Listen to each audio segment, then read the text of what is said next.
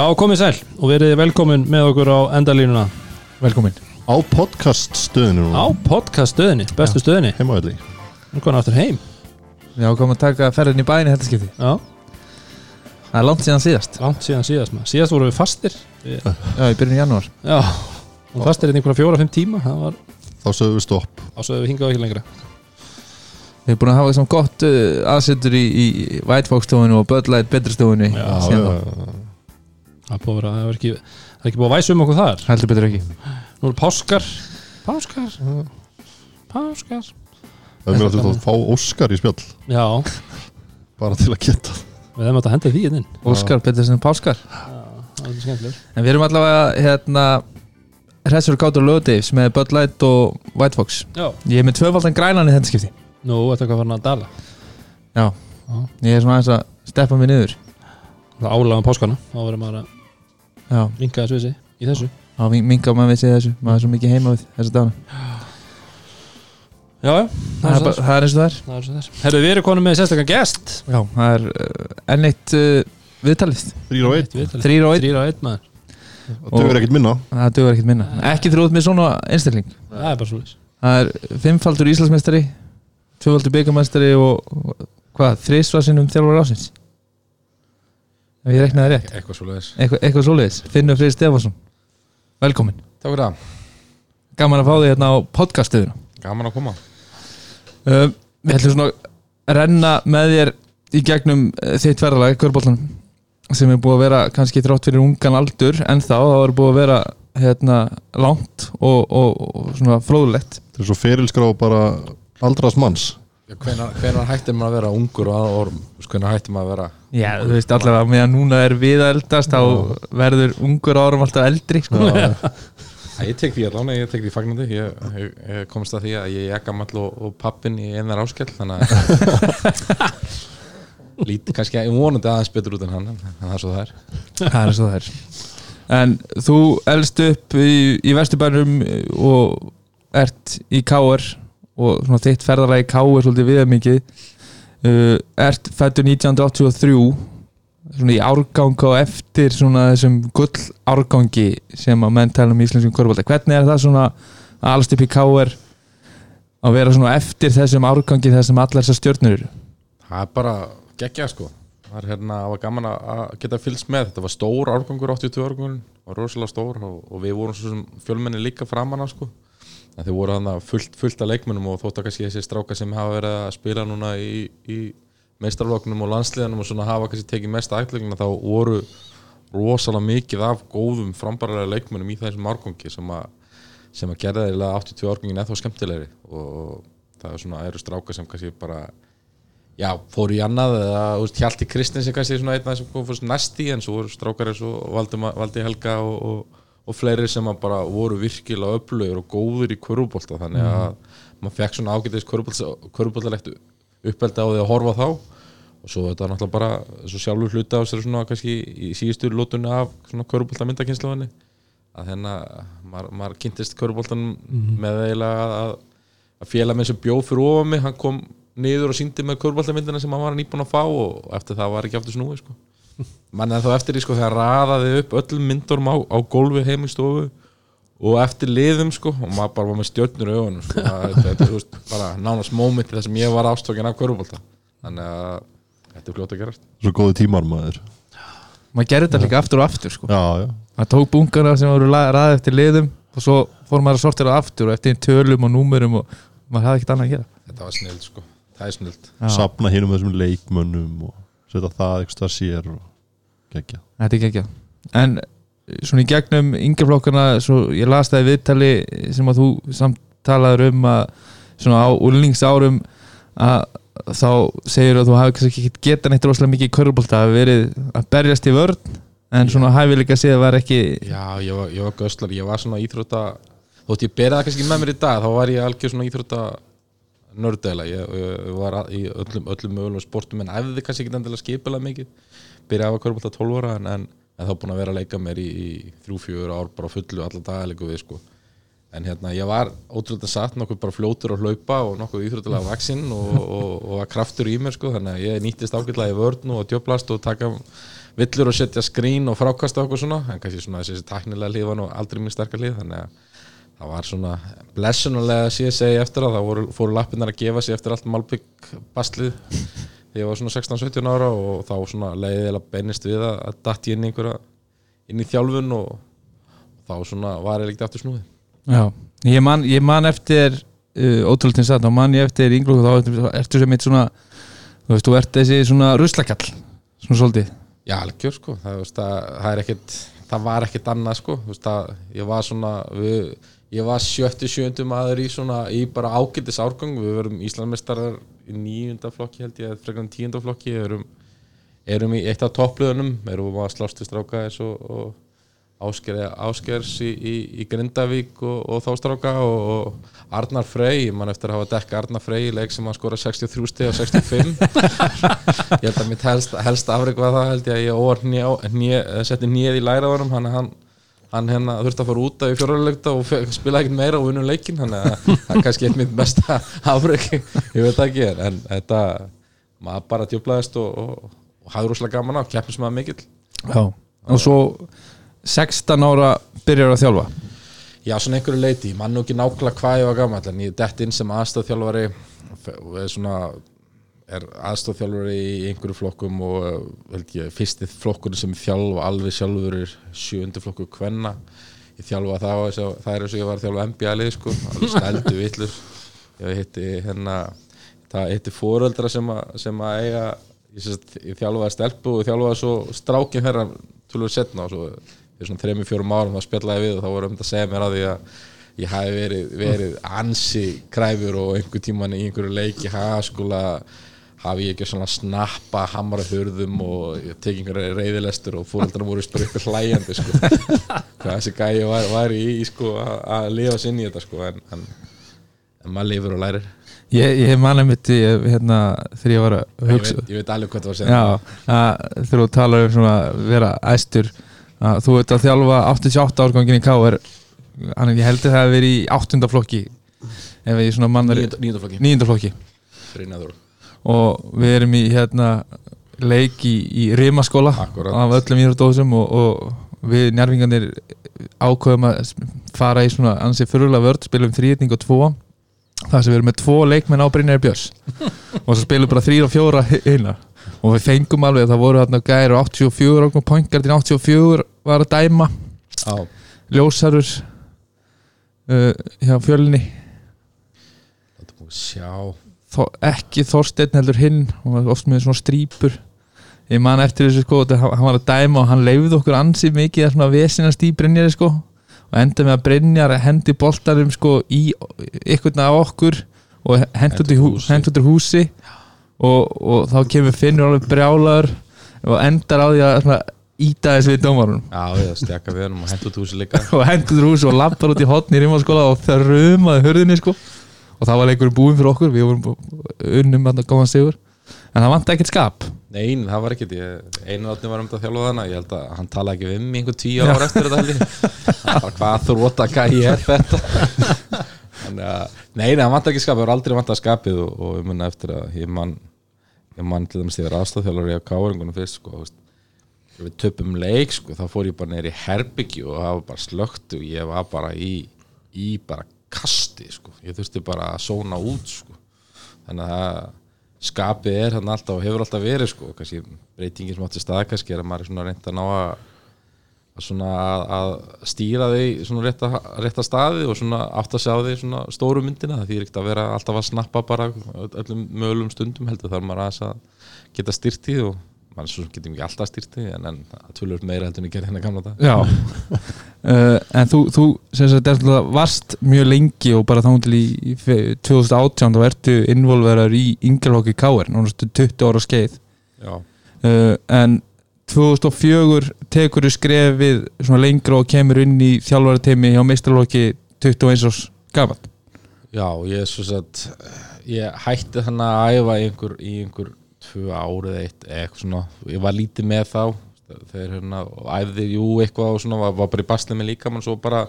eitthvað eitt sumar þegar ég leika mig, leika mig mikið í kvörubólta og er bara í pekubóltan með káar og svo einhvern veginn Heppi ráðin sem Heppi Darnarsson ráðin sem aðhjálfari og ég einhvern veginn bara held áfram á Göstlast sko. og allt í hennu bara komin inn í prísísun sem náttúrulega átti ekki dyrinn í en, en ég reyndi og djöblaðist og skapið og kla, klappaði mikið var rífandi kjaft og svona og, og einhvernum ástæðum ég, ég held að Heppi hafi svona bara í staðan fyrir að vilja kötta mig alveg þá svona, herðu, viltu ekki bara koma og vera og rífa það kjátt svona hlýðalinu með mér sko. og ég er hann með Bojandi Snitsa sem að þjálfaði mig í drengjaflokkja mitt fyrsti á hópnum sem hann þjálfaði á Íslandi hann er búin að þjálfa í Káur meira minna síðan og hann einhvern veginn svona að vinkla minni í þetta og ég ungur með sjálfstöðstíð í botni og bara rífandi kjátt og kveitjandi og, og svo leiðist þá einhvern veginn kem ég þarna inn og, og, og þá kannski svona er svona, fer svona þjálfaraferillinu fyrst á stað sko, þá allt innu fæ ég svona ennþá meira áhuga á þessu og, herbett á mikið hrós fyrir að leiða einhverjum ungum pjakki sem gæti ekkert í korubólt að, að setja fundi og hafa áhrif og, og tala og, svo framvegi sko. þannig að þarna var ég með, ég, með honum í tvö ár og svo þegar Benni kemur í káar þá, þá, þá held ég áfram með honum. Þannig að, að, þannig einhvern veginn gerist þetta sko. Og þetta er sem er kannski káeringarnir fyrir kannski yngri hlustundur sem að hafa bara alveg stupu að káer vinnu bara titla á þessum árum eru þeir náttúrulega búin að vera svona kannski alltaf við toppin en mjög mikið kannski á eftir suðunislegunum Já, ég held að svona, hann alltaf, Káru meistari 2000 þegar að- Jung kemur heiminu mig og það voru hann að Ólu Óms og fleiri og, og svo kemur svona, það gengur ákveðlega hann rétt upp úr aldamótum og svo svona dalar aðeins og okkur það vantar svona, það er vantar kannski svona kjarna í liði og svo framvegist þannig að liðið þannig þessum tíma var held ég búin að vera í bastli í svona sjöunda sæti með svona 11-11, ég held að Kára hafi endað einhver þessum tíu árum eitthvað fimm sinnum með, með rekordi 11-11 í sjöunda sæti eitthvað svo leiðis þannig að, að sérstaklega sérst, fyrra árið þá hérna þá eru sem um það, um það í því sæti minni mig, hvort við hefum ekki bara verið í sjönda sæti þá líka. En svo um árið eftir þá, þá koma tvö helviti stór sæn fyrir Káur, það er þegar Fannar Ólafsson og Pálmi Sigurgjars koma. Það er hana 2005-06 og þá svona eiginlega fer þetta svona aðeins, að, aðeins í gang og þá svona kemur svona smá kúltúr og fannar og náttúrulega mikið hróskili fyrir þann kúltúr sem hann gefur með sem að þið keflingarnir þekkja, þekkja vel og hann var svona no nonsense gæi svo hann hefur líst mikið yfir í, í körbaldakvöldi sko. tala mikið um mentaskólaböllin þótt að sé engin mentaskóla aldrei held ég að spila í kálinu lengur. Þá, þá, þá var mikið á því að þessi mikið mentaskólaböllum en vonum ekki en, en það væri hálf vandrar en hérna þetta hérna kom svona kultúr í gang þá sem að, sem að hérna hlutin fór að gera þá var óöfnum með erlenda leikmenn þetta setna ára að seppa og svo þegar Benny kemur við inn þá einhvern veginn smellir þetta fáum lendum okkur svona góðri blöndu af, af erlendu leikmennum bland við íslensku strákana. Brynjar er að koma upp, Darri er að koma upp og, og svo svona gerist náttúrulega eitthvað svona hálfgerð kraftaverk í úsliðum mótin Jarvik þar sem var svona já, svona algjör underdog sigur á móti frábæru nærvíkulið einhvern veginn. Já, eins og, eins og hann hérna, talaði um Brenton Birmingham við okkur í síðustu þætti að, að K.R. var búið að fá kannski smá svona gjöf af, af uppskriftinni frá grindvíkingum uh, þrýtningur og tveir. Og, og svona spili þá taktík í þessari úslitaserju í se- setni þremur leikjunum leiðið ekki nema kannski ykkur að fjóra-fimm mínútur í heldina en, en það skilaði þremur sigurum og, og tilli já ég, held, ég held við höfum undir um eitt, ég mann eftir sko Gaupi, ég held að Gaupi hafa spurt Benna eftir fyrsta leikin hvort það var bara búið sko. Já, og svo einhvern veginn eins og segi sko, við, ég held að við sem yfir í þessum þreymur leikjum samtalens kannski í svona kannski tíu mínútur. Vorum alltaf undir og svo bara einhvern veginn gerist eitthvað hann í loka, loka leiklutunum en Tyson, Tyson og J.J. Sola voru gríðilega stórir í þessu sérstaklega Tyson, hann einhvern veginn komast áfram einhvern veginn og, og, og og, og, sóla með vinstri handar húka þetta Já, ég, þetta, þetta, þetta var þetta held ég líka bara með típuna sem voru í þessu liði er held ég skemmtilegasta tíðanbil sem, sem að ég hef upplöðað sko, af þessum öllum sem ég hef verið í sko. þetta var, var mjög, mjög spes og mjög sérstakir karakterar sem fengum hann í, í elunduleikmunum Heldur betur. og hérna og en það er einhvern veginn svona þetta, það gerist líka eitthvað þannig þannig að kemur svona ferildi held ég kannski trúin á komið káir að við getum þetta. Alltaf 2009 tímabilið sem- þá, þá er ég dóttin út ég þess að tek árið eftir með, með, með Benna líka en, en dett svo út sjálfur og svo 2009 þá komur alltaf strákunar heim og, og einhvern veginn já, og svo kannski þegar Pavel kemur 2011 eða 2000, lók tímabilið 2010 þá svona er allt í nú komið kjarni að leikmunni sem er, er, hérna, er capable að fara að gera eitthvað sko. Þetta er, já, mér, ég, svona, ég horfa á þetta svona byrjar svolítið í þessu 2007 liði já, og þá, þá kemur miðjan inn í þetta í svona fyrsta skipti og, og það verður eitthvað svaka stemming í káir og veist, þetta er eitthvað 13 ár síðan og þetta er nánast búið að haldast í 13 ár þó að miðjan sé kannski ekki búin að vera eins öflugum var í þeirri serju en þá er þessi svona, veist, hefð og menning í káir búin að haldast nokkuð solid frá því að þeir taki titilina 2007 ég held að þessi frá 2007 held ég þessi kominu, nýju titlar eða, nála, jú nýju titlar, ég held að þessi einu, einu, einu skiptin sem að Káur vann ekki hefur ekki unnið sérst annarkvort árið það er, er hennar þegar grindaði gunni tvö öru en Káur var aldrei búin að ná að vinna tvö öru og vinn- vinnum 7, 9, 11 vinnum svo 13 og svo ná að vinna aftur. Nei, vinnum svo 11 og vinnum svo 14 og náum þá að koma svo á stað. Já, og í þetta rönn í þetta rönn En þú, þú fer, kemur hann inn í þessi fjögur ár sem aðstöðþjálfari og ert með Heppa og Benna. Já, og, og svo ferðu aftur út úr meistralósum og heldur áfram og ert að djöblast í yngreflokkurum næstu fjögur árin. Já, en svona hvernig er þú veist, þú ert svona kannski eitt gott dæmi það sem við tölum um svona bara heima tilbúin þjálfara innan klúps já. Uh, hvernig er alast upp í káer uh, og vera svona, þú veist, ungur þjálfur átt að sjá því ungur þú allar eitthvað þjálfun verandi með þú veist, kannski við getum orðað bara allar þessar kanónur innan svona íslenska þjálfarabransans þarna verið fram með, hvort sem það ættu að horfa í Steppa Arnars og með Benna, Inga, Hebba ég held að sko náttúrulega er náttúrulega við það að maður hefur fengið sko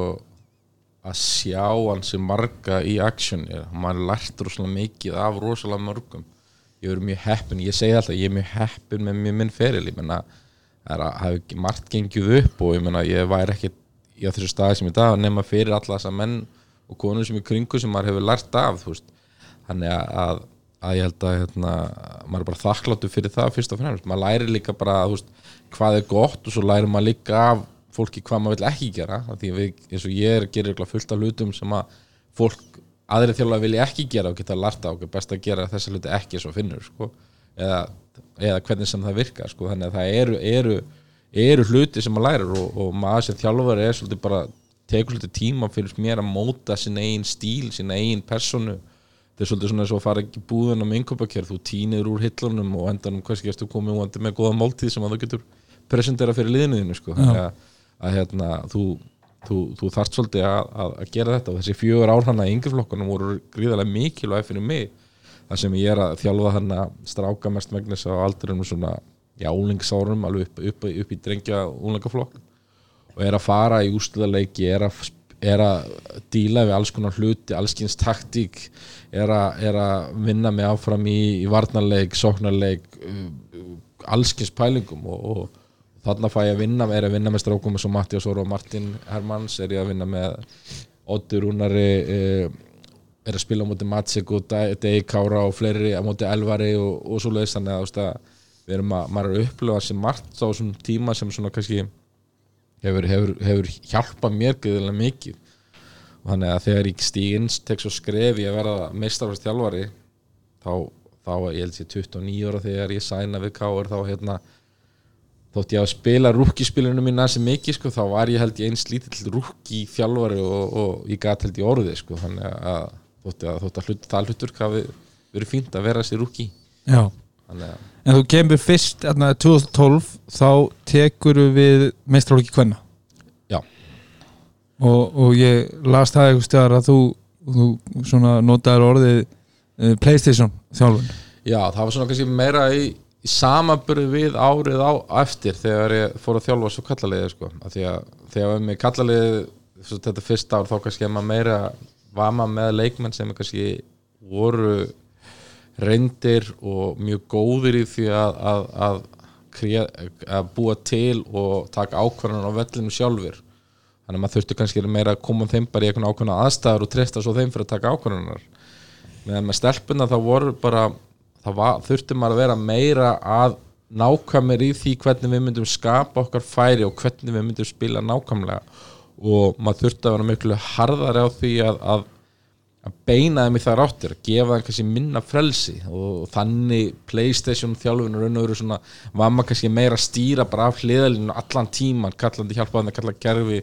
talandi um ákveðin þetta sækja og svo frammeðis þannig að, að, að það var svona maður miklu meira svona maður miklu meira kannski í þessu svona bara fórustu hlutverki allan tíman þar með að maður komið kallaliði árað eftir með allar einsluboltan þá gat maður svona reynda að tekna upp svona einhverja, einhverja svona einhverja hugmynd og, og einhverja svona einhvern box fyrir þá til að vera í og svo leift þeim meira svona að, að maður kannski sett upp streigan og svo leiðum maður þeim að mála meira. Já, þannig að þú veist að, að það er svona eiginlega var meiningi með, þessu Playstation hugtæki sko. ég tengi bara strax við það sem þú ert að segja, nú er ég með þú veist, ung liði meistarlóki hverna sjálfur. Þetta er allt, allt öðruvísi pælingar skilur, þú þarft miklu meira að vera nákvæmari og meðan þú ert að kenna leikmennum hvar þeir geta fundið þessar lausnir sko akkurat og stelpur og þú veist, nú ég vill ég ekki fara inn í eitthvað stelpur þessi strákar en, en ég hérna það var rosalega mikið svona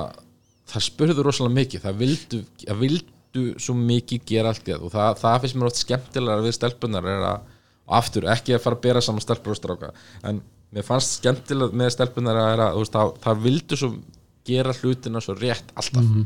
Og það láfið sko á ég að standa hérna eða hérna. Og það munaði kannski sko fjórðungu skrefi sko. Á ég að gefa núna eða núna? Á ég að skilja svona svona og maður svona þú veist já já og þetta var kannski svona eitt dítelað atriði snemma í sókninni sem skipti auðvitað máli en kannski svona í heldamyndinu þegar við þurftum að fara yfir hansi margt þá kannski svona var erfitt að fara í þetta og á endanum sett ég reglu sko þegar megi spyrja mig hverju sem er bara fyrir æfingu eða eftir æfingu meðan æfingin er í gangi þá þurfum við að halda tempóinu í gangandi svo við séum ekki endalast bara að tala og stoppa sko. Að, og það gerði það mjög það, það, segi, þetta var mjög skemmtilegt á sem að ég þjálfaði stelpunar hana og það var, það var erfitt að, að, að, hérna, að hætta því að því það var svona, við fórum hann í úslita móti keflaðið í, í, í þeirri seríu og, og þá fekk ég nú fekk ég mitt triangle og tvö tveir hérna vörnina bengt í bakið sem frá hana 2007 þessum að hana kefla okkur steppunar unn okkur bara samfærandi og eða unn okkur, ja, nokkuð samfærandi þrjú eitt held ég. Þannig að, að hérna þannig að þetta hefði verið gaman að taka annað ára en ég svo sem sé ekki eftir því núna En þarna undir lók þessa tímabils sem að Helgi Magg er spílandi þjálfari með kallarleginu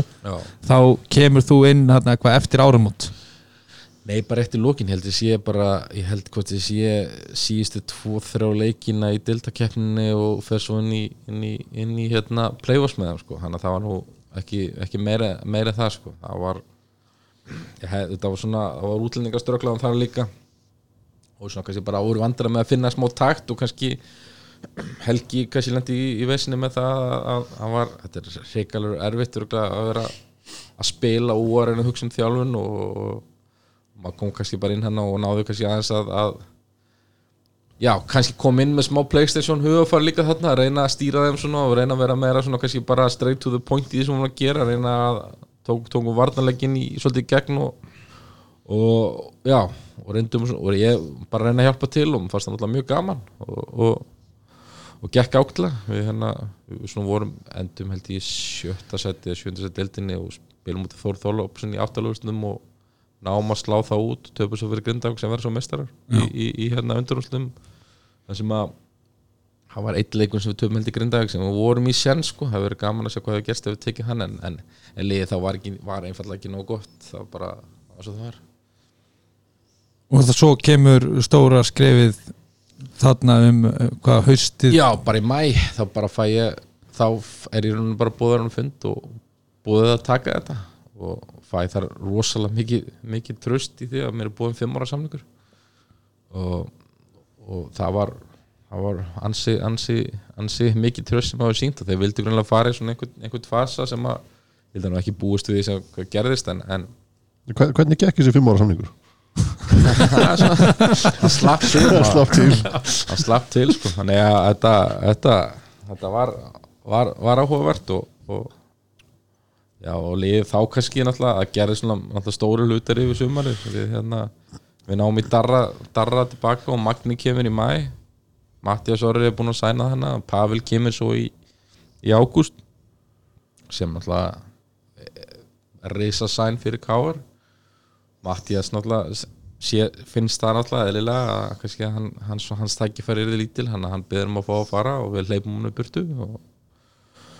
og þetta er náttúrulega árið sem að Martin kannski tekur svona sem stóra skrifa, hann var búin að vera hana sem í árunum með Helga í, í, svona, í stóru hlutverki en, en tekur náttúrulega bara stóra skrifa sitt þetta ár og þú fær þarna tækifæri þrítur var 29 ára ég- 29 ég, ára. ég segi það alltaf, ég, var 30 í óttubur þannig að ég, ég segi að verið, á. Og, og ég hef eins og ég segi, fyrir því sem Káringu búin að vera allast þarna upp alla þína tíð að þetta var drauma jobbi hvernig var að fá svo, svona bara fimm ára samning fyrir því á þessum tíma? Búin að vera í tíu ár uh, cirka uh, svona í kringu eða frá því kemur fyrst inn í meistaralókin einhver átta ár þá kannski. Já, og, og fá síðan bara herðu, ok, þú fær hérna fimm ára samning. Var, var þetta eitthvað tíman Æ, ég, ég er ekki alveg viss. Eða var þetta bara um leið þetta er, ég er að negla þetta? Já ég bara, þetta var á leið sko. Það, hérna, fi- sem fimm ára ga- eða sagði var eiginlega það bara að, að, að það væri svona þólumæði sko. Þú veist, að, hann, hann sagði það að þú raun og veru svona sérstaklega eftir á hyggja sko, hann segi kannski bara beint út þú þarft ekki að að ná einhverjum geggjum árangur á fyrsta ári sko. hann segir bara við viljum byggja upp við sjáum þau fyrir hérna og þú veist er, það er potential í þér og þú far bara svolítið hérna að, að, að halda áfram að byggja þau upp sko. Og það er náttúrulega ekki fyrir hann að Pavel dettur inn hann í águst þá allt hennu fyrir úr því að vera kannski bara svona já bara lið veist, þá voru eftirgrind af eitthvað svona liðum sem voru hann við toppin og allt hennu verði bara svona allt í hennu contender sko. þá svona kannski breytist þetta svolítið en, en þá í, í þá leit maður ekkert um öxla hann sér og þið takið titilin þarna vinnið Grindavík uh, og komið í vef fyrir uh, þrípít hjá þeim?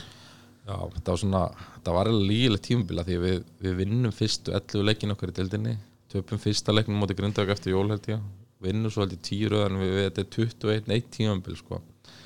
Þannig að, og svo vinnum held ég fyrstu 11 leikin eftir árum og fyrir næsta tímabil eftir líka, þannig að við náum einhvern veginn svona einhverju, einhverju svona svaka rönni þannig sem að sem að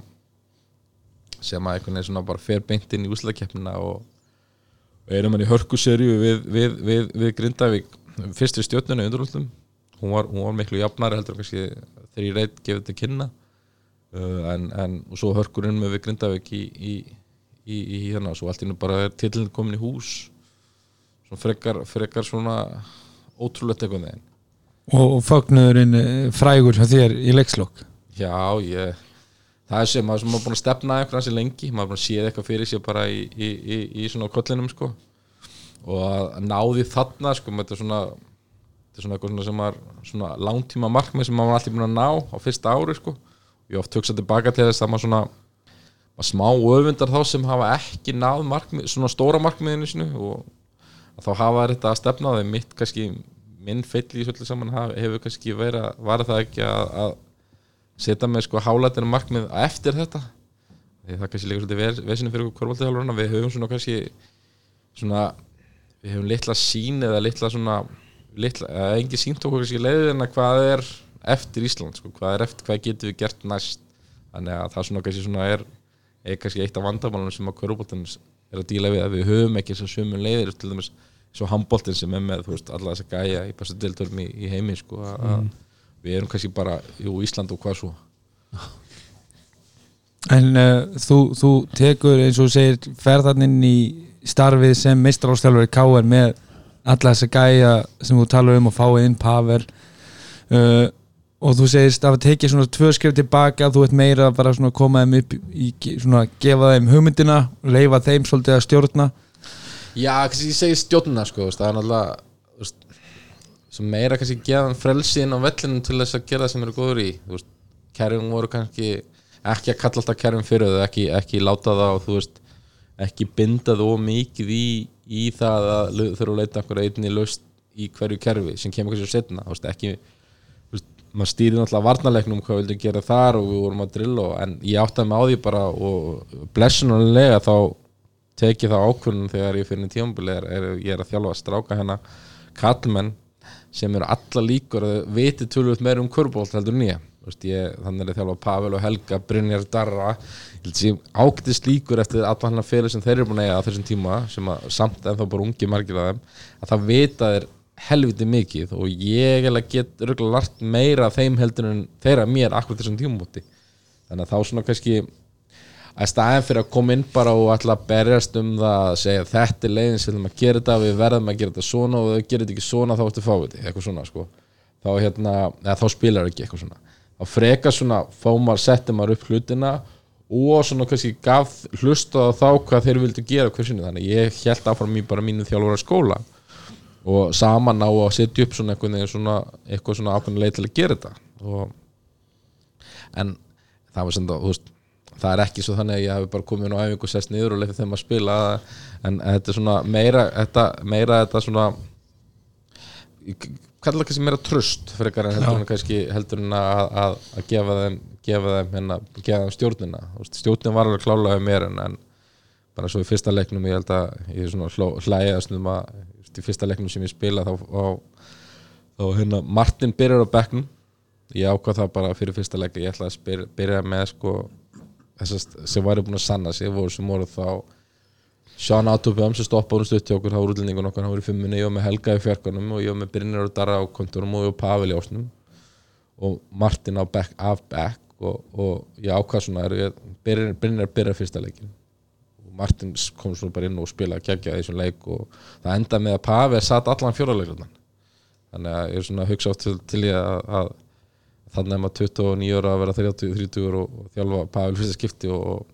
og í fyrsta leiknum þá var hann bensar í fjóruleik en það var ekkert út, út á honum það, persi, það var bara leik, leikun gekk vel og út í völdlega móti nú er þetta í Íslandsmeisturum og, og við náðum bara að einhvern veginn að það gekk þetta smalt saman hann í fjóruleikum og, og, og það enda með að hann spila held ég ekkert í fjóruleikum þannig að allavega stjórnum var þá nú mikil að maður allavega var tilbúin að taka þar uh, Ég var með að hérna, skrifa niður. Langar að kannski taka þá pælingu núna og fyrir lengra. Svona hluti sem við erum búin að tala mikið um í vetur. Og þetta er svona hversu mikið til dæmis og það hefur verið nokkuð frækt all, allskynns leikli og við vorum nú að veita verðlun fyrir það um daginn. Og við djókuðum með að við ættum að veita verðlun fyrir leikli ársins. Og það þau voru mörg hver svona ansi áhugaverð. Skrautleg. Þar sem að leikmenn hvort sem það er taka algjörlega yfir og strók út það sem að þjálfarnir er að gera uh, Neitar heller. eða þeir bara, þú veist að þjálfarinn nána segist ekkert í leiklinu eða það er að koma inn og við höfum séð að hvort sem það er til dæmis í káer með alla þessa gæja sem er búin að vinna þetta svo oft og svo lengi að,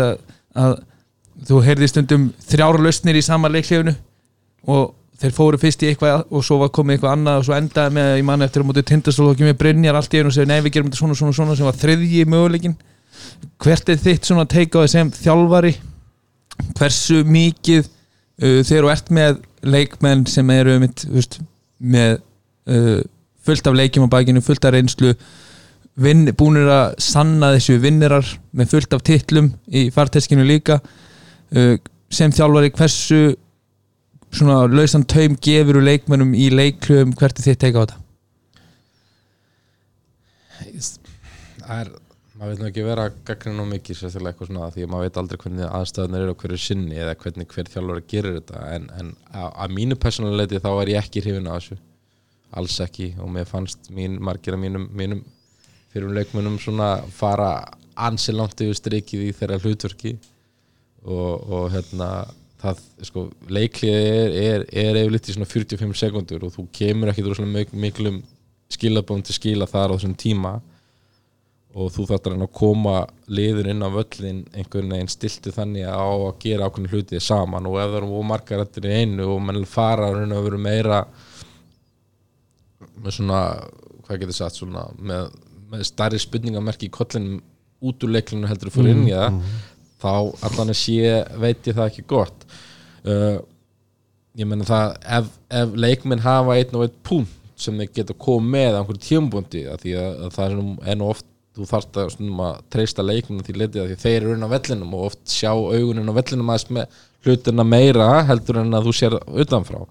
En það er þó kannski bara yfir einn setning eða, eða sérstaklega svara spurningu, hvað sér þú, þú veist, en, en að taka yfir heilu leikliðin eða eitthvað slíkt, það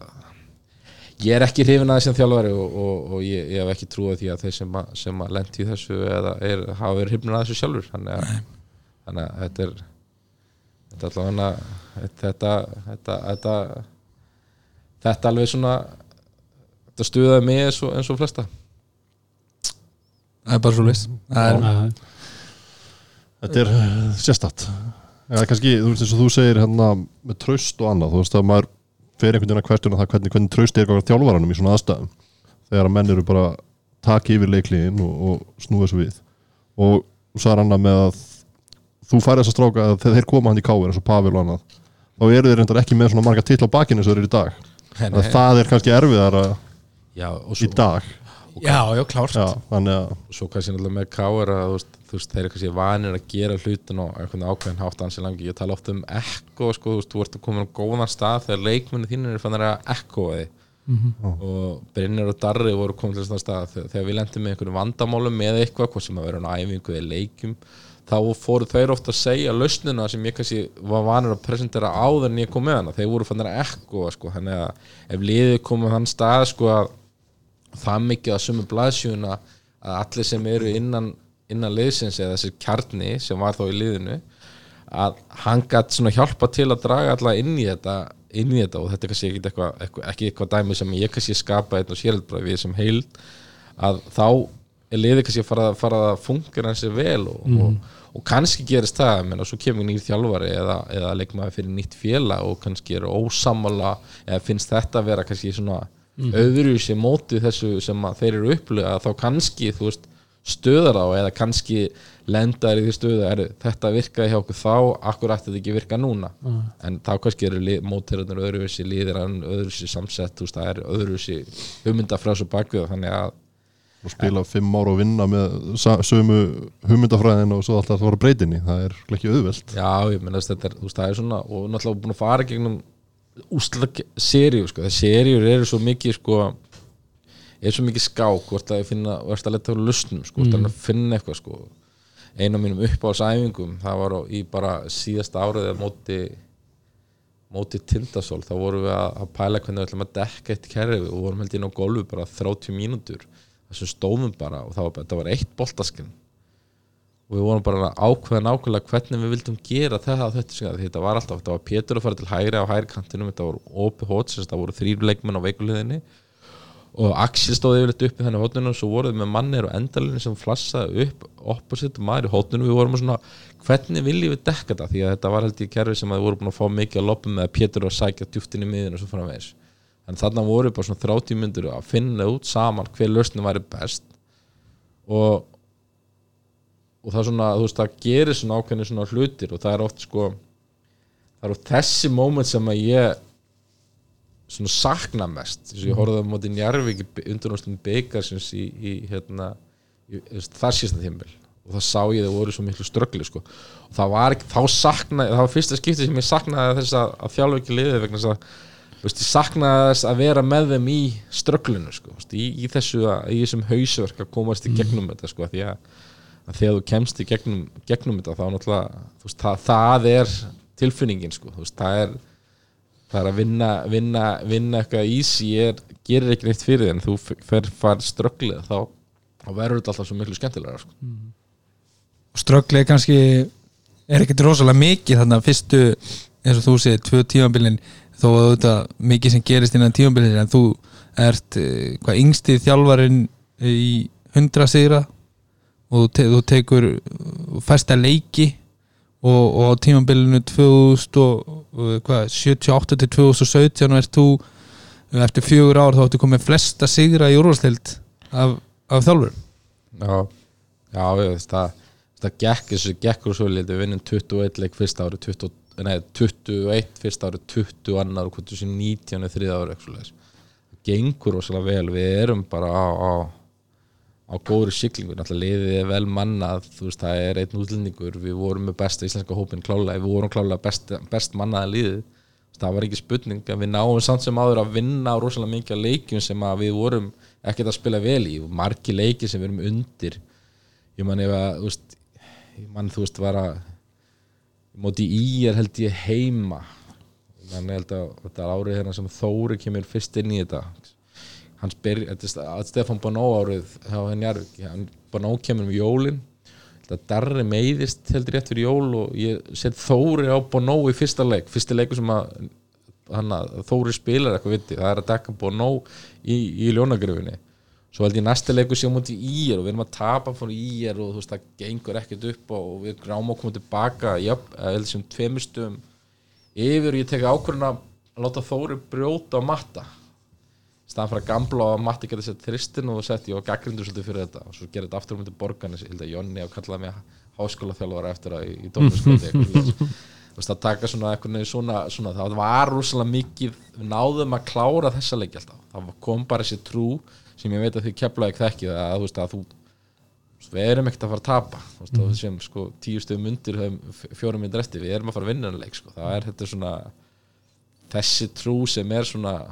svona tví ekki sverð, hún er svona hættuleg kannski fyrstu 35 mínútur leikunum en síðustu 5 mínútur er frábær sko. þannig að þetta er, þetta er mjög þetta er mjög vond tilfinning fyrir þjálfarana sko, því að því finnst alltaf svona líðið vera værukjarar og værukjarar þess að líður á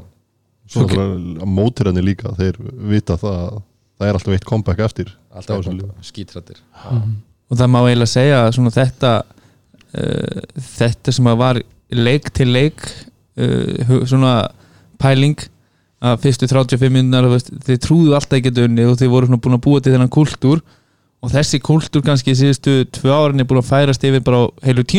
já, það sem að fyrstu þú veist, 60-70% af tímambilinu er káanlið svona í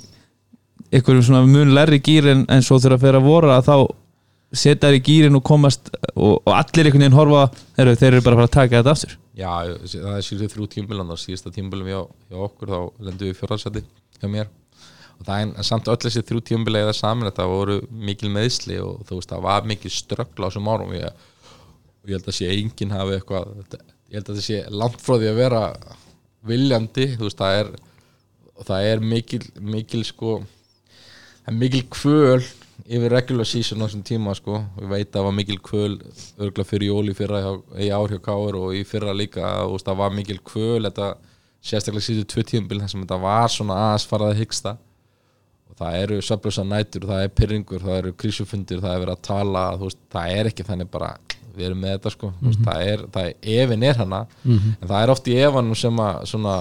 kveikir á þessu sem að, sem að, sem að maður þarf á að halda sko, þannig að, að þetta, þetta, þetta er búið að vera þetta var langt frá því að vera auðvelt eða létt á nokkrum tímabúti á þessum árum en þegar þú, þú kemur inn þetta við spálum svona aðeins tilbaka og förum svona kannski létt yfir þessi svona fimm ár í sem þú takið titlana með Káar uh, fyrsta árið það er kannski svona, svona saga uh, Martins Hermanssonar og þú segir þú byrja með hann á bekknum í fyrsta leik og hann er síðan í lók tímabils að var hann besti leikmaður tímabilsins. Já. Hann, hann, hann alltaf bara þú veist, hann alltaf búin að vera að sína svona sí, fann að byrja að sína þarna heldur mikið árið áður sko. Þannig kemur Pavel inn ég kom með Darra heim uh, ég er með bandarækjumann í fimmunni Helgi er fjarkin okkar og Darri er þristin okkar og þá er þetta spurning svona er þetta Martina Brynjar á þessum tímabúti og ég held að tók það ákvörðun bara strax að, að veist, það er ég, mér fannst það svona meika meira sens að að henda unga stráknum á bekkin unga, og fá grettun og svona skoring frá honum á bekknum, Brynjar meira búin að stabla sér í deildinni. Og svo einhvern veginn bara gerist það bara strax í fyrsta leik þá að- verður Martin það stórpartur á liðinu, hann bara einhvern veginn svona er, hann tekur sætið sko. Og, og heldur því bara út, út tímbilið en það er samt sem maður svona það verður samt svona liðið okkar svona þetta fimmann liðið, þetta svona línan okkar sem svona var klári að klára leiki það var svo Pavel, Martin, Brynjar, Darri og Helgi íslenska línan, það var svona eða go to línan okkar þegar við vorum að ströggla þú veist, þá fórum að geta skipt almenna öllu og bara og djöblast og, og allt þetta sko þannig að þá voru rónir mjög hreyfanlegir í öllum stöðum og, og gátum svona sprengt upp leiki með svona þeir, þessum hæfileikum sem þeir hefðu sko. Já. Uh, og Svo tímabili eftir þá er náttúrulega Martin farin út já, og, og þá fáið þið njarvíkingarna í, í fræðir í seri í undurnúslutum með Stefán Bunó Já, við ætlum að fá ansi góða sendingu úr Keflavík. Fyrst ég með eitthvað tvo keflinguna þá fengum við ansi fína sendingu úr Michael Craig. Já, það, ágætis, það, ágætis. það, hérna, ágættis viðbót. þá, það, hann alltaf þá gerðist svona þá kom allt í húnum púsl inn í liðið svona, þegar Martin dettur út sem var svolítið svona go to þá fengum við svona annan go to mann. Og reynilega eina go to kanan sem við höfðum á þessum árum sko. Það breytir svolítið aðeins svona hvað við gerum og við förum svona kannski meira sérstaklega þegar líður úslakefninu förum meira skipilegt að leita inn á hann og nýta okkur hans styrkleika eðlilega. En þessi seri hann á móti Njarvík var, var ævintaralega gjössalega og við, við vorum hásbreyð frá því að vera bara hent út og, og, og þá bara hefði, hefði, hefði væri við ekkert að tala núna. Það verður mjög, mjög einfalt sko og það eru mörg þannig það, það gerist í þessu leik. Ef við við, sem sagt, við vinnum fyrsta leikin Njarvík vinnur annar leikin við vinnum þriða leikin og svo í leik fjögur í Njarvík þá slátar Njarvíkinn okkar og ég maður það sko að Krejón var alveg búin á því og ég bensa neil allan setna á leikin spila ma- Magna og Finna alltaf í, í, í fjark og fimmu þannig og sko, Njarvíkinn voru bara geggjar í þessum leik sko. við áttum ekki breyk sko. og það var bara svona herru, það var, var miðugdegi óttaleikunum á föstudegi og þetta var bara svona er ég að fara að djöblast á þessum gæjum? Krejón búin á því og gefa hann um einn dag pásu um milli og, og þá bara ákvæði hendunum bekkin það var allt brjálað í káar eins og bólla á þessi kalla þeir vildu bara reyka með að að fá mann með mér. Það var mikið talað um það. Að hann var að setja einhvern með honum. Einhvern með honum. Það er ótt lausnin á Íslandi. Að setja einhvern með honum. Hann hérna þá er ég með skúla með mér sko, skúlin er alltaf Ingeborg var með mér öll árin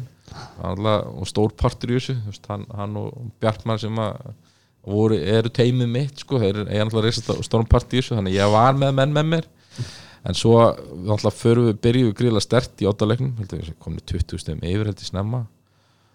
Og Njarvík bara mjallar það niður í setjanleik og svo er bara er þetta orðið bara close leikur. Og Njarvík bara komið yfir hann er lok, lok vennus leiktíma.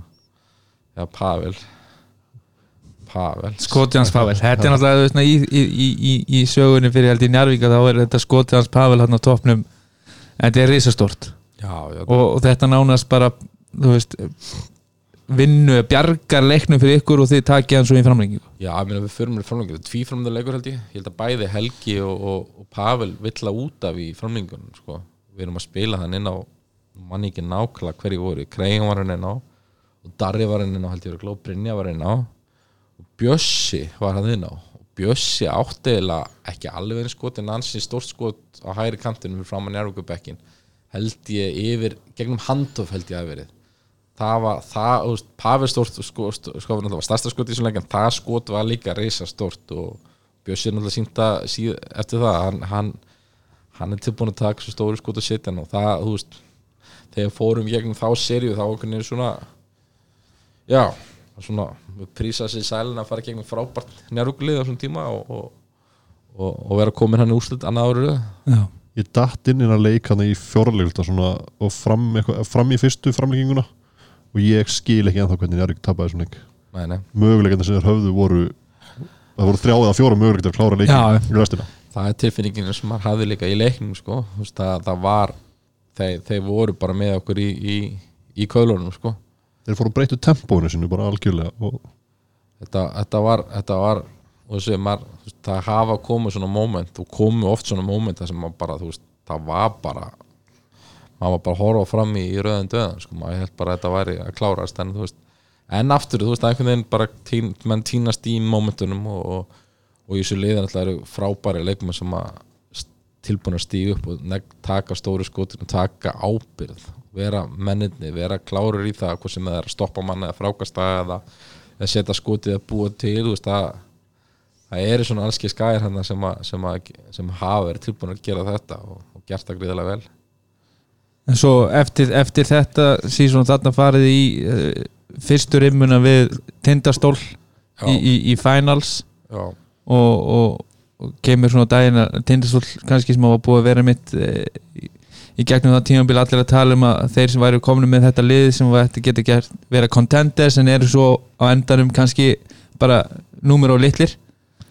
Já, við erum lenda hana í vesinu með Myron Dempsey og okkur svona, veist, það var svona strögglaðan form líka. Og veist, við vorum við vorum svona, vorum við pölu í ströggli líka Ég- þótt að, þótt að, þótt að hérna þótt að hafa kannski ekkert svona komið út af við, ég held að, ég að Krejón tóknar í, í kálfa held ég í lokfjörðalegsum sem við vinnum á króknum sko. Og hann var mjög tæpur, þau voru, við vorum allir orðnir mjög tæpir í, í þessir úrslitaserju en náðum svona eitthvað þennan að, klóra okkur í gegnum hana. Náum, svona, náum að vinna vinnum á, á króknum. Eftirminnilega þróta, rútuferð tilbaka ég mæli ekki með að vinna, vinna titil svona langt í burtu fyrir að heimann sko. það er ekki, ekki, ekki jafn skemmtilegt sko. en hérna en, en, en það var, hann fór held í eitt bjórn yfir þetta, þetta kvöld og svo sopnaði ég bara út Spennufall smá. Já, mikið spennu Já. Uh, Þriðji titillin kemur uh, svo ekki heldur á heimavalli þið takið á móti honum uh, svona kannski eftir á leiðilega þurfa að taka við honum á ásvöldum eftir að, að finnur finnur allir setja skot í hóðinu finnur allir setja skot í hotnunu sem að kemur leiknum í framlíkingu í, í, í DFL Já, það var svona náttúrulega, þá erum við aftur í hörku seri undurvarslun móti Njarvík, er það ekki? Jú, sem fer líka í óttaleg það er Haukur Helgi Pálsson í, í, í, í, reysalhutverki er alltaf í aðalhutverkinu hjá Njarvík og svo, það er svona, þetta, svona þetta, rannur svo mikið saman í eitt sko. svo seri, mann ekki alveg nóg vel eftir henni en mann eftir að Haukur setti allan eitt sko til að vinna þetta leikin já, hvernig fimmtileikur var nákvæmlega ég, aftur, ég, svo- ég soldi þannig í þessu sérstaklega með þessa stóru leiki eins og ottaleikin aftur tíðum. Ég er ekkert rosalega mikið fyrir að horfa á það aftur af því ég er með ákveðna svona myndaðum í hausnum sem ég er mjög hrifin af. Og það eru alltaf, þjálfur eru alltaf ég er bara lært það, þegar ég er með góðan leik og góðan leik sem ég er rosalega ánað með og ég fyrir að horfa á hann þá er ég aldrei jafn ánað með leikin eftir ég horfa á hann aftur. Þannig að þegar sérstaklega ottaleikina því að ég þarf að raunin ekkert að horfa þá aftur upp að því ég þarf raunur ekkert að undirbúa liði raunur það læti þá bara oft eiga sig. Beigarustu leikisinnum, læti það bara eiga sig. Með landslinu bæði hérna þú veist, læti oft bara svona, svona stóru leiki bara eiga að þeir eru bara mjög fallegir í kollanum á henni þannig vil ég bara hafa svo mm þegar ég er orðin, gamall og perraðir og þá kannski fer ég tilbaka svona einhverju fortíða, þrá sko. Finnur allt sem var að í leikjónum finna allt sem var þá kannski verður maður aðeins tólum maður með þetta saman. En, en, en þessi serían um það haukum það var svona fyrsta þá komust við í 2-0 það var ég fyrsta serían sem við náum að komast í 2-0 í úrslutum hérna og það var svona fyrsta skipti sem ég, mér fannst ég missa tökin á umhverfunu af því að ég var mjög upptekin af því að við værum bara þú veist, þú veist það væri ekkert verið að tala um eitthvað fagna, ekkert kampa en kjaftaði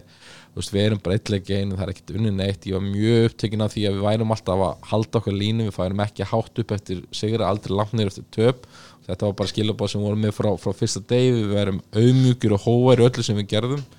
Öll við tölun og slíkt, það var skilabáð einmitt. það, það var bara virðing fyrir anstæðinum auðmjúkur hóvari og hefði, ég held að skoðið náðast öll viðtöl sem að við, við förum í, í á þessum fimm árum en fyrir utan kannski viðtölun kannski beint eftir seguleiki og rundar líka eftir veist, við vorum auðmjúkir og, og, og, og hóvari fannst mér í, í okkar viðtölum almennt sko, þannig vildum við hafa við viljum, viljum ekki vera að gefa færi okkur og viljum ekki vera að bjóða upp okkur á vittlisu og það var svona fyrsta skiptið þannig þessum leik í Kárheimilinu ekki búin að vinna á heimavelli síðan 2000, já, síðan 2009 uh, það var svona, þú veist, það fannst ég svona missa, þú veist, fólk var svona að fara að fagna, þú veist, það voru fólk í jakkafötum þú veist, það var, heyrið einhvern tala um kampavinni, var inn í, inn í þú veist, þá, þá fekk, fekk maður svo ónunda tilfinningu, þú veist, að menn voru þú veist, f- fötin og snöðunum minni klefa voru aðeins fínni heldur en fötin venjulega, sko, þú veist, það var svona eitthvað í loftinu sem var leiðilega með og, og, og, og töpu þar bara mínum að þóttu vonast ég búin að vinna þá bara held ég að út af þessu karma, út af þessum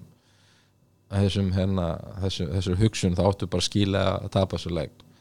Og við förum í hafnafjörun og, og náum að klóra fram síðu þar, það var hörkuleikur en, en við náum, að, náum svona að tryggja þetta síðustu, held ég, þrjár fyrir mínútur þá, þá, þá small þetta hjá okkur. Já. Brandon Mobley, var helvít erfiður og náttúrulega kári. Þannig að, að, að þetta var, var, var hörku séri Svo árið eftir þá kannski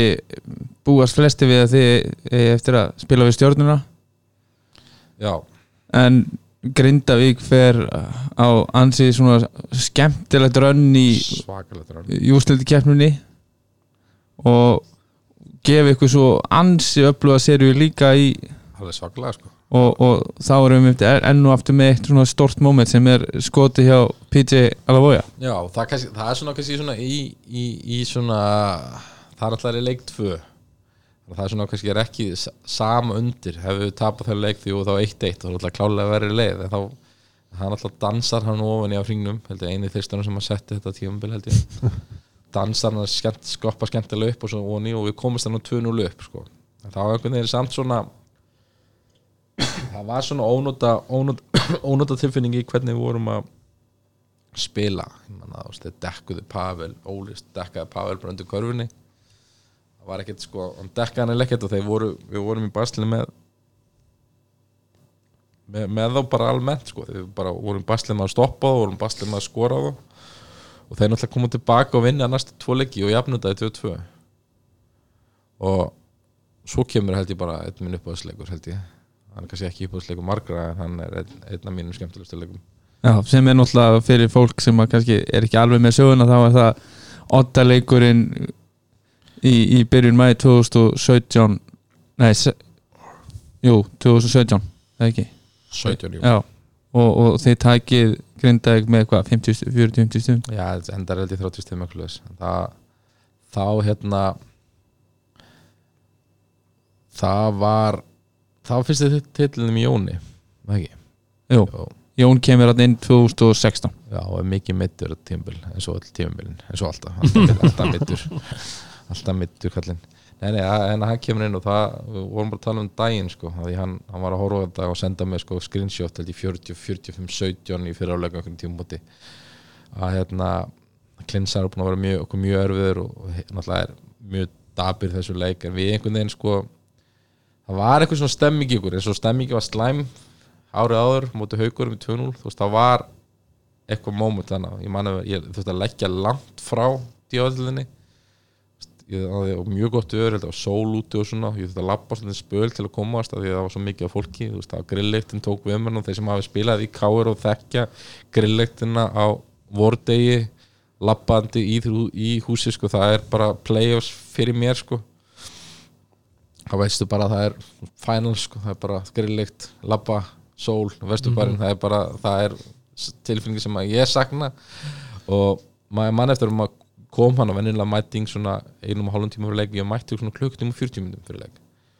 Og þá búið að hleypa inn húsið var fullt og ég manna sko að, grindingum voru komin rosalega snemma inn í salin alveg fáránlega snemma sko. Og ég hugsa bara ok, við erum með þá.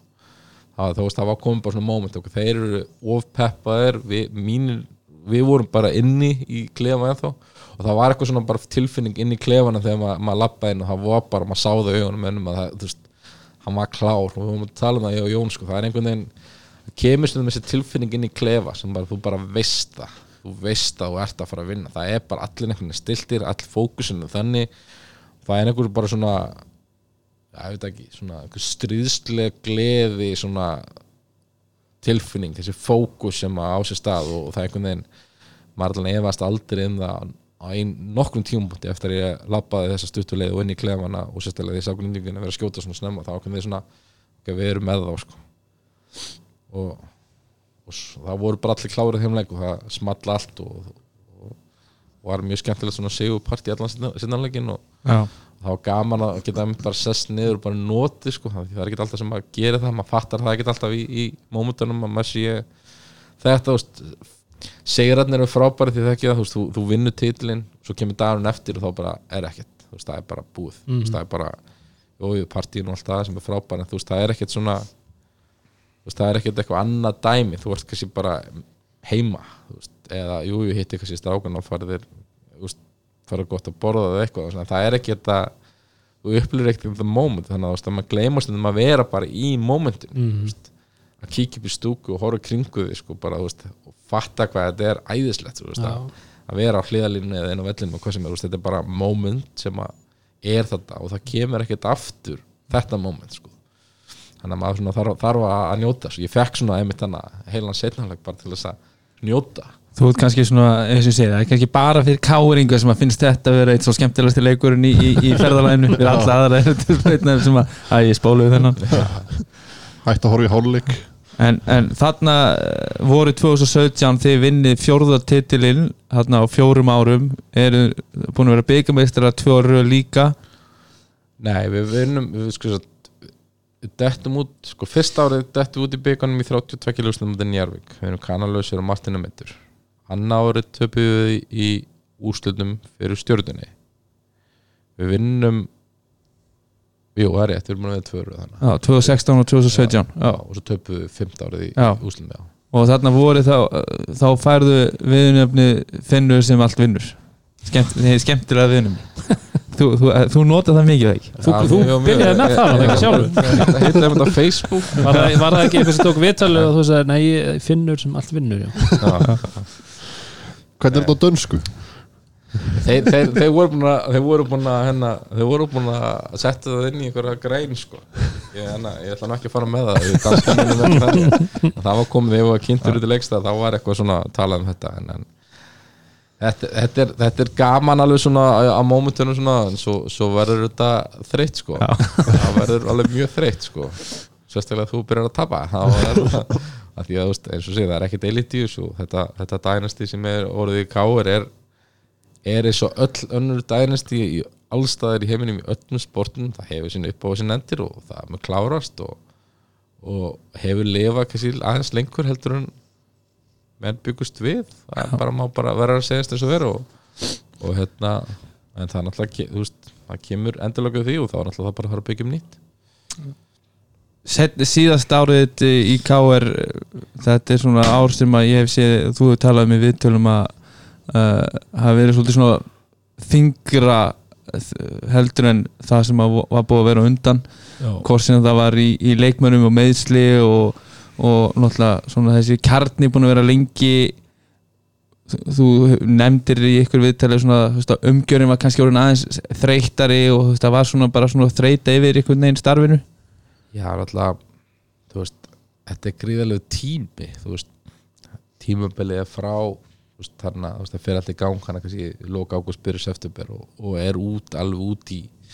út april, í byrjun mæ, þá eftir að klára tímabilið með samninga gerðum hann og slíku og, og fyrir sjálfbóðlega til þess er þetta rosalega langur tími ár eftir ár, bara nýju tími hann árið þess að þú ert bara á fullu, sko, Já. og, og þegar þú ert svona, þetta er svona, er ljótt að segja þetta. Þetta er svona þessu með fíknina sko, þú, veist, þú þarft alltaf starri starri starf til að svala þörfinu sko, þannig að, að þegar að þú veist þetta komið þann stað, veist, þetta fara að gerast aftur þá verður þetta svona, bara svona samdöina því sem þú ert að gera sko, og þá fer þetta hungur svolítið í burtu og mér fannst svona, veist, það vera svolítið að detta út, svo það var svona svo stundum gerist í þessu þá var svona kannski ekki alltaf allt, allt í, í blóma baku tjöldin í félaginu sko, það var svona menn menn tókust á um ákveðna hluti þú veist, einhverju vildu fara að breyta til eða fara að tefla liðinu, spila öðru, öðru leik eitthvað neins svona, fara að spila með yngri mönnum eða whatever sko. Að hérna, þú veist, það var ekkert alltaf þú veist, var alveg ströggl og svo náttúrulega eru gríðarlega mikið meðsli á þetta ár, þú veist, eru bara meðslum alltaf umbilið og svo náttúrulega ofan á það er ég bara búin að vera hvert einasta tímabil, þetta langa tímabil beint inn í landslýsumar beint inn í næsta tímabil þetta voru þannig að ég held ég að tala þetta voru sko einhver tæp fjögur ár sem ég tók bara á hans að taka með lengra frí heldur en sex daga sko. það var bara maður var bara streit í vinnu. Það er alltaf bara skiptir einhver máli hvort að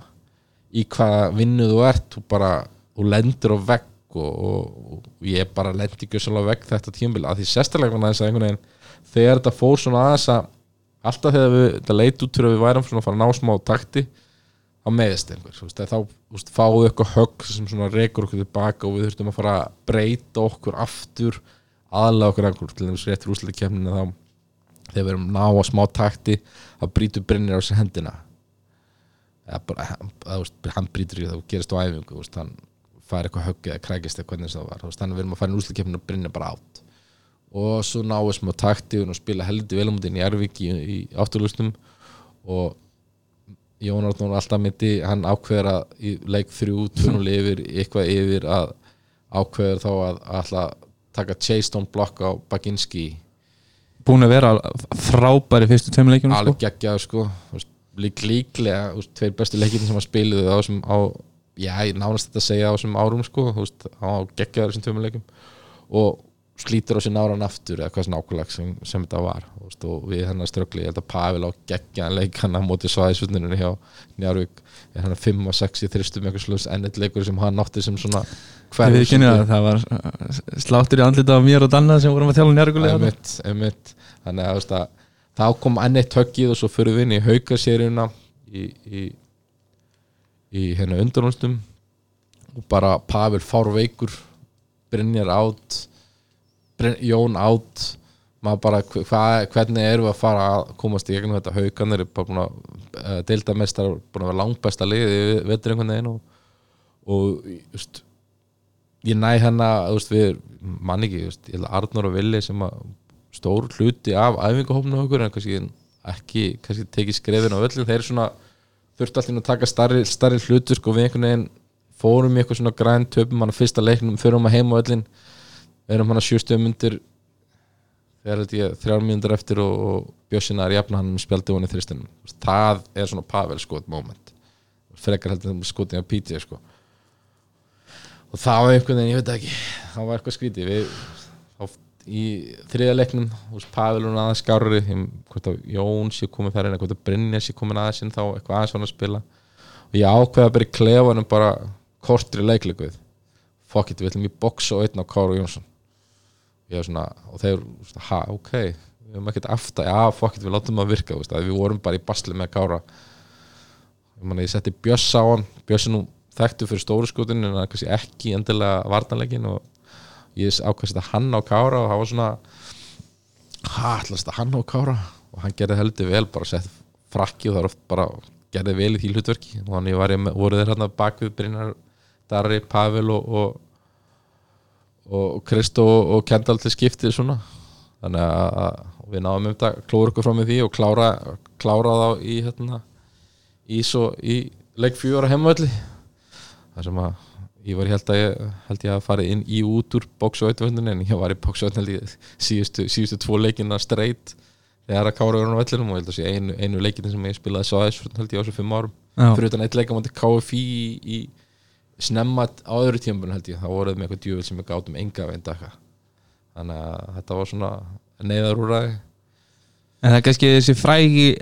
leikur tvö í þessari undanúrsölda séri á móti haugum sem eru þarna deltameistarar og búin að eiga frábært tímabel með Kára Jóns í, í svaka gýr Pólandur Jones frábær. Uh, og þarna í þessum leik tvö þá eru haugarnir uh, búin að leiða alla leikin og eru með nokkuð góða fórustu í fjóruleiklanum þegar þeir einhvern veginn hætta að spila sinn kvöldbolta, ég man ég horfði á hann leik í betni og maður hugsa um hvað eru þeir að gera? Emil Barja tapa boltan, hann var einhvers þar þrisa fjóru sinnum bara á miðunni uh, kom auðvitað trú maður alltaf maður vinnur og maður er svolítið svona ósýrandi oft í hugsun. En svona í þessum leik var þetta svona fokk hvað hefur að gera hugsunin kom Já. Já, hún kom alveg, hún var hann í einhverju leiklið mann eftir, þú veist, það var bara svona þú veist það var svona bara, hvað hefur að gera sko þú veist, við þurfum að gera eitthvað og, og, og það er kannski eitt af það sem að við maður svona er tilfinning sem að einhvern veginn maður er svona mikilvægt mikil að hlusta og það er svona, þú veist, farða þetta farða tilfinningin að eitthvað sé ekki ganga það er ekki að, veist, þá stundu það maður bara að þetta vaða og breyta sko, því að betra allan að betra að ta- breyta og tapa heldur en að gera ekki neitt sko. þannig að ég manna við hvað við gerðum nákvæmlega sem breytum hvort við fórum í litla línu eða eitthvað svolítið, við allan fórum í miklu agressífari, manna Brynjar og Darri fóru að taka sjensa af boltanum fóru að tvöfalda, fóru að djöblast einhvern veginn og, og það kom einmitt svona eitthvað smá fáta á haugana og hauganir haugarnir voru alltaf búin að vera rosalega góður í sínum leik og var mjög erfitt að við það á, á, á því að þeir spilu sín leik en við náum einhvern veginn að íta þeim þannig að eins og þrjá, síðustu mínútur út úr sínum leik ég ger eitthvað annað. Og náum einhvern veginn þannig að klóra okkur í gegn og þá var hann sama pælingin með þessari box og eitt vörðni í leik, leik þrjú og fjögur en að fá þá bara til að spila eitthvað annað heldur en þeir voru búin að vera að gera allt tíðanbilið sem er ekkert lifa búin að vera að stoppa sko. þannig að en klálega þessi fuck tilfinning kom. Hún kom hann á móti Smámóti grindaukana í, í leik 3 og 4 þriða tímili sko. Þetta, þetta hún var, var hann út um allt. Já, þannig að þetta, þetta ég segi, þetta á einhver tímúti hugsaði maður eftir tímabölu ah, þetta var þægilegt bara. Þetta var í símaður það var alltaf, var alltaf eitthvað og það held ég sé allstaf þegar einhver vinnur einhver titil. Það er, er, alltaf, er alltaf það er erfitt að vinna það er bara er mjög erfitt og það var alltaf að ganga upp og eins og þetta loka tímabil hérna fymta árið þá tapiði byggurúslutum á móti tindastól nokkuð hérna stórt. Já, og maður sá kannski eftir þann byggurúsluleika að svona hungrið þó menn vilja alltaf vinna titla þú veist að það var engin meður sín einhvern veginn. Nei við, held, við vorum bara við vissum það bara að það var bara fyrsta lagi var þetta fyrst var beigaleg úsleikur spilað mjög snemma í janúar og við vorum búin að vera í útlendingavessi og heldum áhrifin í útlendingavessinni og það var svona basla okkur, og það var einhvern veginn eins og þið vittum með þetta káli séttalega sinna og það hafa er eftir betri þegar að sólinn fyrir okkur fara harra á loftið. Þannig að þegar leikurinn kom í janúar þá var bara, voru bara langt frá að vera góðum stað. Við vissum ekki nákvæmlega hvernig við vildum gera hlutina. Vorum í þessum meðslum, það var útlendinga að basla okkur og stundum var þannig að kannski okkar vandamál voru varpað, vörpuð yfir og erlenduleikmununa sko þannig að, okkar eigin okkar eigin hérna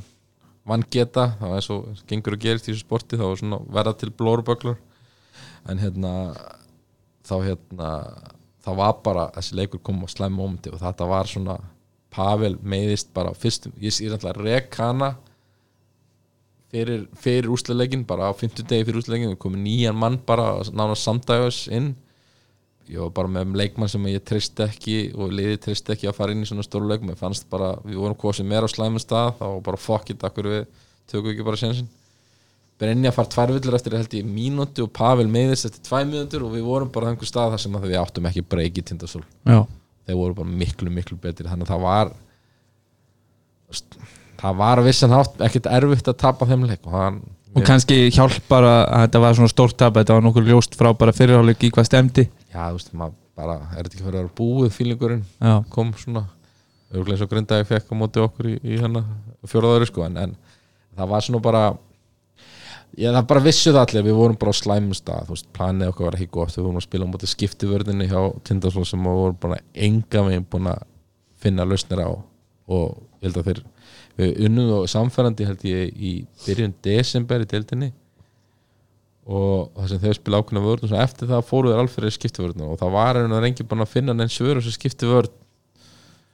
bara allt tímabili sko, þeir voru búin að vera að drepa menn á henni sko, svona svipa og kannski við gerðum fyrstu árun okkar sko. En hérna, en svo mætið þeim aftur í, í, í finals. í final sko. Hver, hver eru deildamestrar þetta ár? Haukarnir eru haukar, eru deildamestrar þeir eru með heimavöllin við erum að, nei, við erum, með, við erum úti á móti þeir eru út á móti tindastól já, og það er í hvað leik þrjú þegar Brennjar setur skotið? Það er leik þrjú sko, við vinnum fyrsta leikin á kroknum mjög samfærdið, þá þannig á við sko, setjum bara upp plan á móti skiptvörninni og þá fórum við aftur í Playstation þjálfurina þá voru mjög ákveðni hvernig við ætlum að sækja og við bara fylgdum því planinu alveg út í gegn. Og við náðum svona að koma stólunum út þessari skiptivörð sem að sem að við vorum þá með Kendall Pollard og Kristó í fjarka og við dældum boltanur inn í og reyðum sá á hjálpunarinn öðru og við vorum með Pétur og Sigtrik hérna og við svona bara gegnum gert settum þá í stöðu til að skipta og æsluta þeim á, á blokkinni og svo þegar ef, ef þeir ætlaði að fara að hjálpa og mikið að mönnum þá refsuður hún í hjálpunni þannig að við náðum einhvern veginn svona að, að hæja þess að leiknum með þeim og ná kannski bara vað í það og við einhvern veginn fengum það út úr þessari vörð ég ger svo mistök fyrir leikt fyrir ég tek Kendall út úr byrjunleðina því ég held að þeir myndi að fara miklu framar á völlin og, og pressa sem þeir gerði ekki rauninu, þeir breyttu sínum varnarleik og fóru í þessa contain vörð sína sem þeir spilaðu þessu út seríuna og rauninu leik þrjú erum við vel yfir þangað til í fjörðarleik það sem að aftur ég gerði mistök ég kannski tek bíð og lengi með leikli til að leifi liðinu mín ekki að kvíla sig. Þannig Bjössi sko eftir að vera frábær í, í seríunum til haugum, þá var hann ára myndur hann gæti lítið beitt sér í, í úrslæðseríunni en Jón og, Jón og Brynja komin aftur á fullu. Þannig að þá einhvern veginn náum við svona að, að í öðru leiknum þá töpum við samfærandi heima það sem við erum bara förum út úr okkar og það, það sá leikur bara gjörsamlega á mér. Veist, ég tek og ég tók bara eftir leikin þessi, þetta tap bara var mér að kenna. Svo förum við á krókinu vel hann yfir og, og, og missum það einmitt svona, þeir nálgast okkur. Aftur gerir ég mistök með að taka ekki leiklifa sama en við náum svona þessu Pétur setja náttúrulega stóran þrist í hóttunum til að jafna. Og kerfi sem við ætlaðum að gera gekk náttúrulega enga veginn upp að þeir áttu villið að gefa og Helgi braut, braut á, á Brynjari, fyrir nei Pavel held ég. Og Brynjar tekur hann að leitu á hafileikana og stundum er gott að hafa, fá að hafa hlutum að segja og byður um þetta og við erum, vorum búin að grínast með það held ég bara úst, einhverjum árum áður að úst, vorum búin að tala um eitthvað svona skotleik eitthvað svona bara spjalli að svona op, hann, alltaf, hann og Ósaldur Knútsan um, hann er máur hann sko. Og Oppi var mjög mjög svona því þið örgulega mun með þetta eftir hann var mjög svona ákveðin, ákveðin jumper svona inn í svona feita við jumper inn í tegnum sko. Jump stop, pivot og svona, og svona smá dörk feelingur þú veist að alltaf spila ekki þá stöðu sko. Brynja var bara að segja þú veist, að, veist, ég minnst ég alltaf geta náðu sér skoti. Og þetta kom að einhverjum þrejum fjórum á eftir við vorum að sitja að standa hann á einhverjum þriðjudegi í nóhum byrjugla að spjalla hann bara um eitthvað um körubólta sko. og hann setur þetta stóra skot svo einhvern veginn bara fannst mér bara við vera með þá í leik fjúr og það var svona, það var einhvern veginn mér fannst trúin hjá þeim farin þetta var stórt, stórt högg. Þannig að við náðum að klára þannig heimavelli eftir fáralega erfið tímumbil sem að, þú veist, ég ma- þú veist, maður örgulega hlutir hérna sem ég, sem ég, annarkost vill ekki tala um eða er ekki búin að nefna hann þannig að þetta, er, þetta, er, þetta var þetta var strempið og, og, og líjandi eftir öll þessi ár og þessu landslýsumur fyrir mig persónulega og náttúrulega stóru landslið sem er hérna bæði 2015 og svo þarna 2017 líka fyrir þetta tímabil Já. sem að teku svolítið mikið tóll Júrubasket, alltaf setna Júrubasket, það var mjög erfitt. Það var, þú veist, það var hérna, það var, alltaf alltaf, alltaf væntingar og, og allt annað liður og og, og það var mjög erfitt að fara beint úr því ég held ég hvort ég hafi ég held ég hafi átt að lenda á ég hvort það hafi leiku sko þremundum eftir ég kom heim, það vorst á að ekki svona sprungin hana. En svona í gegnum þessi fimm tímabil nú byrjar með Martin sem svona stóra uh, svona breakout season í honum svo fer hann og þú ert að fá inn að gutt eins og Þóri sem að fer líka og menn hafa verið að koma og fara koma og farið, Eikóks ekkert með þetta í byrjun, hann er úti. Uh, og svo fyrir þig sem þjálfara hvernig var tilfinningin að fá Jón Ornur inn hann 2016? Hún er það mjög spennandi sko. Ég er alltaf búin að kynnast hann vel í kynni landsliði sko. Þannig að það var svona það var mjög gaman að fá hann inn og, og, og hann er mjög, hann er virkilega skemmtilegur. Hann er svona flottur í flottur, flottur leiðtögi og bara funkarar og er, bara, er, er eins og þessi strákar sem á voru þannig í þessum kjarnar sko. Og þú veist, liðið tók alltaf miklum breytingum, það voru strákar sem komu og, og fóru frá okkur, finnur allir Snorri Hrafkjáls uh, Bjössu kemur og fer þú veist, að, þú veist að við fengum oft stráka til þess að vera tilbúin að setja sig við, við minni hlutverk. Bjössi er mjög gott dæmi um það veist, að, að hérna, hann er svona stráka sem kannski hefði getað spilað miklu meira á, á flestum öru stöðum en, en, en fekk, tók þetta hlutverk sitt og, og, og snýttiði og, og, er bara er bara komin á stall í káir sko, þannig að menn, menn geta talað um allt með hann og, og fundið eitthvað eða hann ekki spila nóg mikið eða eitthvað svona en hann er bara ákveðinu stall í veist, það er bara á, sína, á sitt sæti í káir fræðarhöllinni, við getum sagt það þannig. Já. þó, þó ekki nema bara fyrir þessi skot á móti já, þessi, var frábær í seríunni á mótu haukum hann í fjórðaleiknum sem við vinnum í, í, í hafnafyrunum hann þú veist, eða þriðaleiknum þegar við komumst yfir 2-1, þá náttúrulega tekur hann ákveðin yfir á hann mjög skemmtilegt vinstri handa skúpskot eftir að hafa sneika pickaróls fyrir ykkur körbóldaperrana þá hérna þá hérna, hann hann var risa moment líka sko, þannig að, að hann svona funkar vel inn í þetta káur hugafart að fíla, fíla stóru momentin og, og loka þar. Og, en svo er þess bara fleiri stakar, Magni var mikilvægur hana á fyrst, fyrst árið. Um, segja, Helgi Magdi eftir náttúrulega út úr þessu hana, veist, hann var svona fyrsta stóra púslið, kjarnin var alltaf Brynjar Darri, Helgi Pavel það svona, var þessi svona kjarnin okkar sko, svo það Helgi dettur út þá, þá hérna, fer svona flýtsast aðeins út úr þessu, Jón Átnar kemur svona inn í kjarnan á móti, svo kemur Kristó og, og Bjössi svona inn út svona en, en er, eru hellingsbreytingar hérna, ég meina núna, núna fyrir síðast tímbil þá var engin Darri, þá var engin engin Brynjar en samt náður að þá komin annað kjarni og í ár er Brynjar komin aftur og Helgi komin aftur full time sko, þannig að það var svona ákveðin svona gamli kjarnin komin vissuleiti saman en, en Darri Hilmarsson sem er í Svíþóð núna sem gleymist alltaf í þessar umræðu mm. hann er svona einn af þessum einn af mikilvægastu mönnunum á þessum fimm árum alveg klálega og, og síðast, síðasta leikamóti Tindasól þá var hann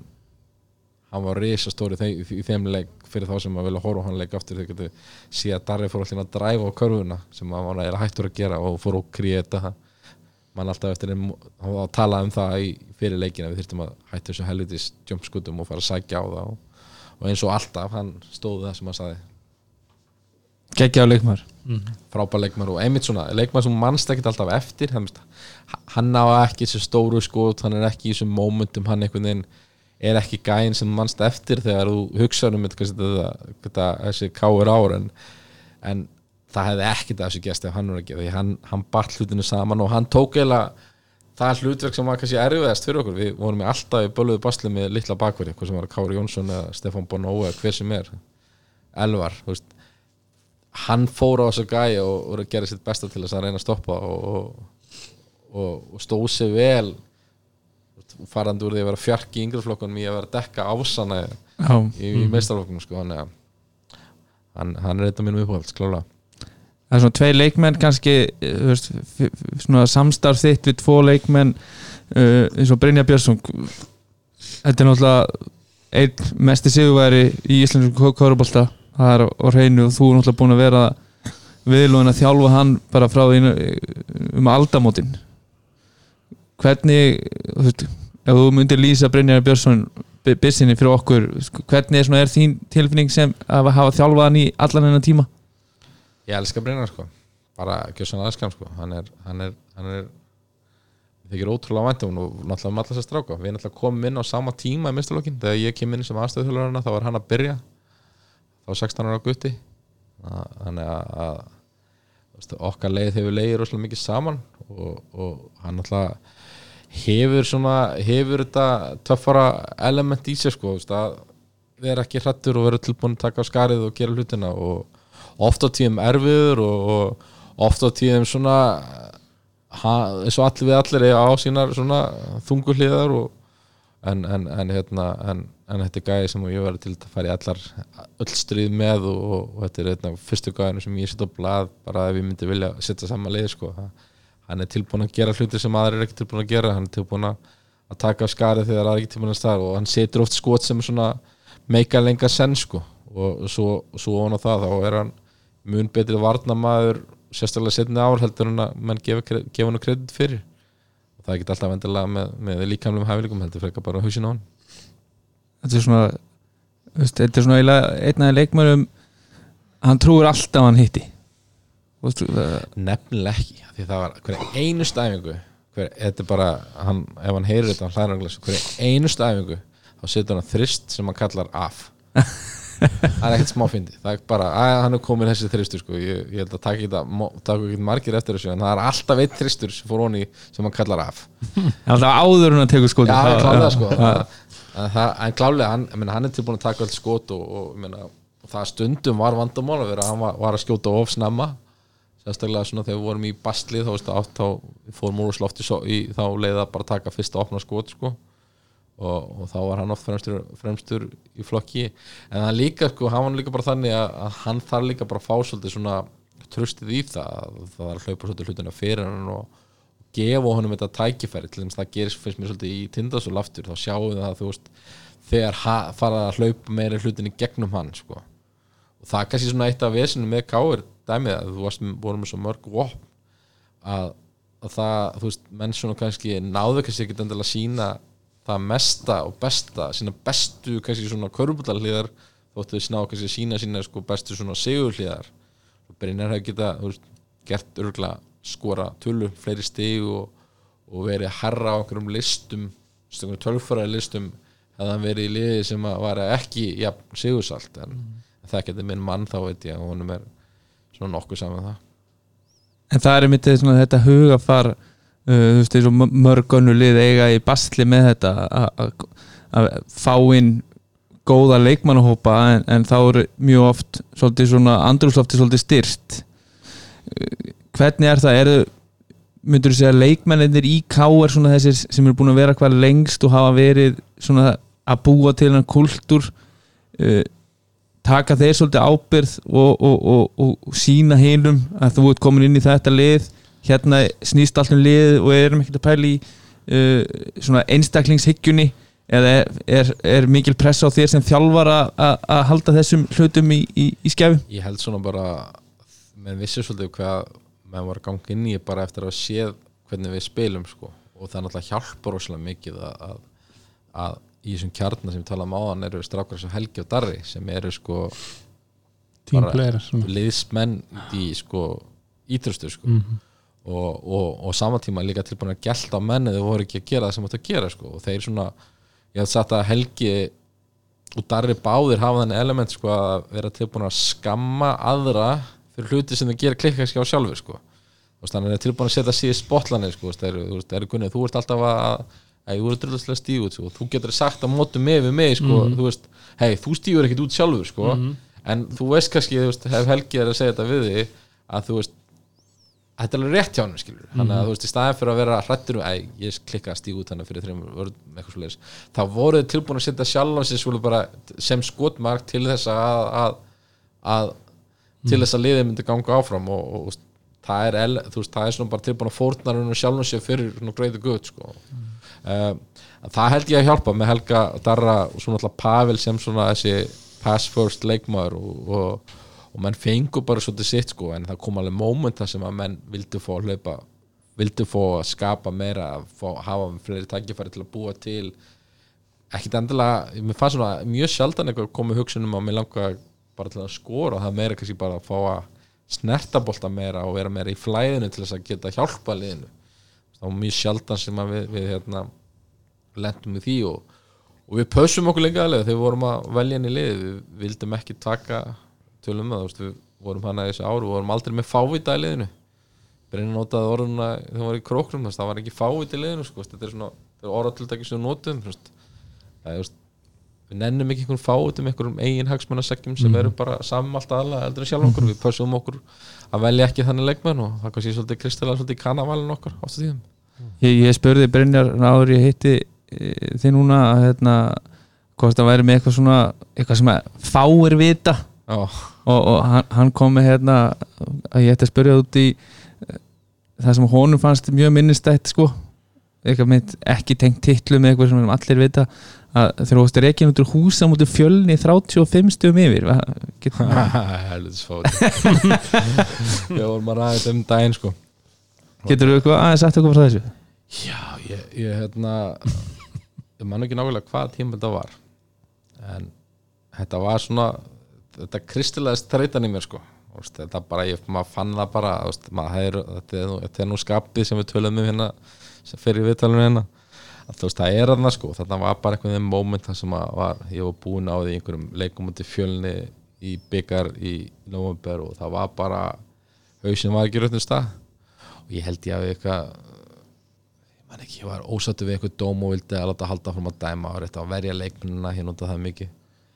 Og ég held ég að fengi teknivillu og svo held ég að ekki liði nema svona 0,5 sekundur þannig til ég fekk aðra. Og, og það er svona venjulega fáið kl- fáið að klára setninguna þeir eru búin að fá teknivilluna sko, en þarna fekk ég ekki kláruna og ég fór, já, ég snappaði virkilega þar og þannig held ég fyrsta skipti síðan í emitt í var Það gerist eitthvað í gráu Er þetta gráur eins og að fara nýtt líf? Þannig að, þetta var, var, var, hérna, var, var, var eftir á mjög skondam ég, ég, ég, hérna, ég endur að skrifstofunum minni vel eftir þetta moment, ég betur fyrir að hafði ég nú vitað að ég fara inn áður en ég fekk útrás fyrir reyðið minni. Já, þannig að það var fyrir luktum dyrum. En hérna, þetta ég, þetta er þannig bakvið og hefur alveg, alveg sínt sig við og við en það er svona yfirleitt þegar maður er það var hann orðin vel þreyttur á öllu að það var svona stitt, það var kveikið fyrir hann helviti stuttur og það var, það var, það var vel stuttur þarna. Takk fyrir þetta Brynjar. Hérna, ég sá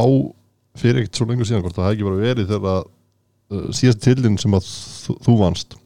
Þá var hérna á Twitter fóru menn að, fara í svona leik að, að telja upp útlendingana sem höfðu klárað tímabilin með káir og menn áttu helviti erfitt með að finna þetta, hörðu þessi káringar Já, já, ég held að skal ekki segja svona hver, hvernig þetta var raðað og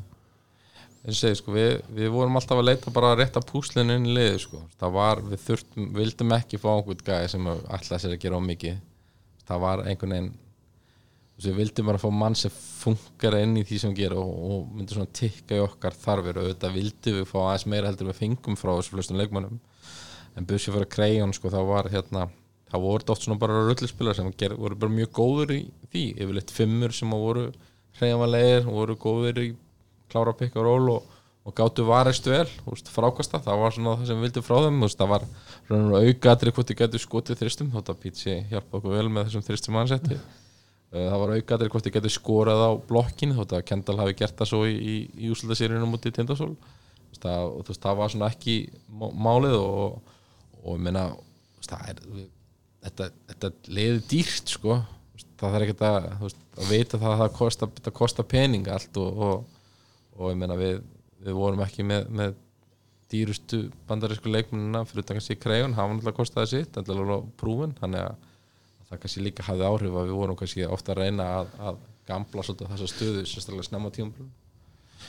ég held að, að Jó Átna hafa sagt einhvern veginn þegar ég var að, var að pæla að skipta um ykkur leikmann, hann spyrði hvað hvaða lið hafa unni titilin eftir að skiptum bandarækjumann á jólun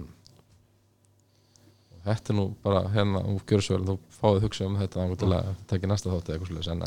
þau eru nefnilega ekki mörg sko. og þau eru flest káur tengt fyrir utan kannski þegar æfi kemur inn í inn í úsleðaseríunina móti, móti, móti kjaplega en þá, þá er hann alltaf að koma kannski beint úr öðru tíumbili þá er þetta ekki einhver, einhver gæði sem setur heima sko hann, en hérna,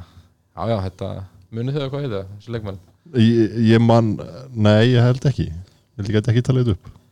Skemmtilegur, ég veit hérna, einn ein, Demont Watt sem á fyrst árið lélæsti æfingarleikmann sem kom. Ég man fyrstu æfingar, ég bara, nei, ég trúi ekki að við séum komið eitthvað svona gæðar sko. hann gæti ekkert. Hann bara, þú veist, það skipti engum móli hvað var dekk en hann gæti ekki skorað á neitt svo þegar leikinu komið, þá bara þá var hann, hann var flottur og mjög flottur í sín hlutverki. Hann og, og Pavi náðu vel saman og, og og Martin alltaf og flott að vera hringin og slútaði vel kring köruna og sliðis Krejón kemur svo tvö ár. Fjóruð árið þá kemur Pítsi eftir ármár eftir ármár og svo fimt árið þá, þá held ég er ég með eitthvað fjóra leikmenn eftir eftir ármár fjóraði fimm. Kendall Pollard endar sem loka leikmarinn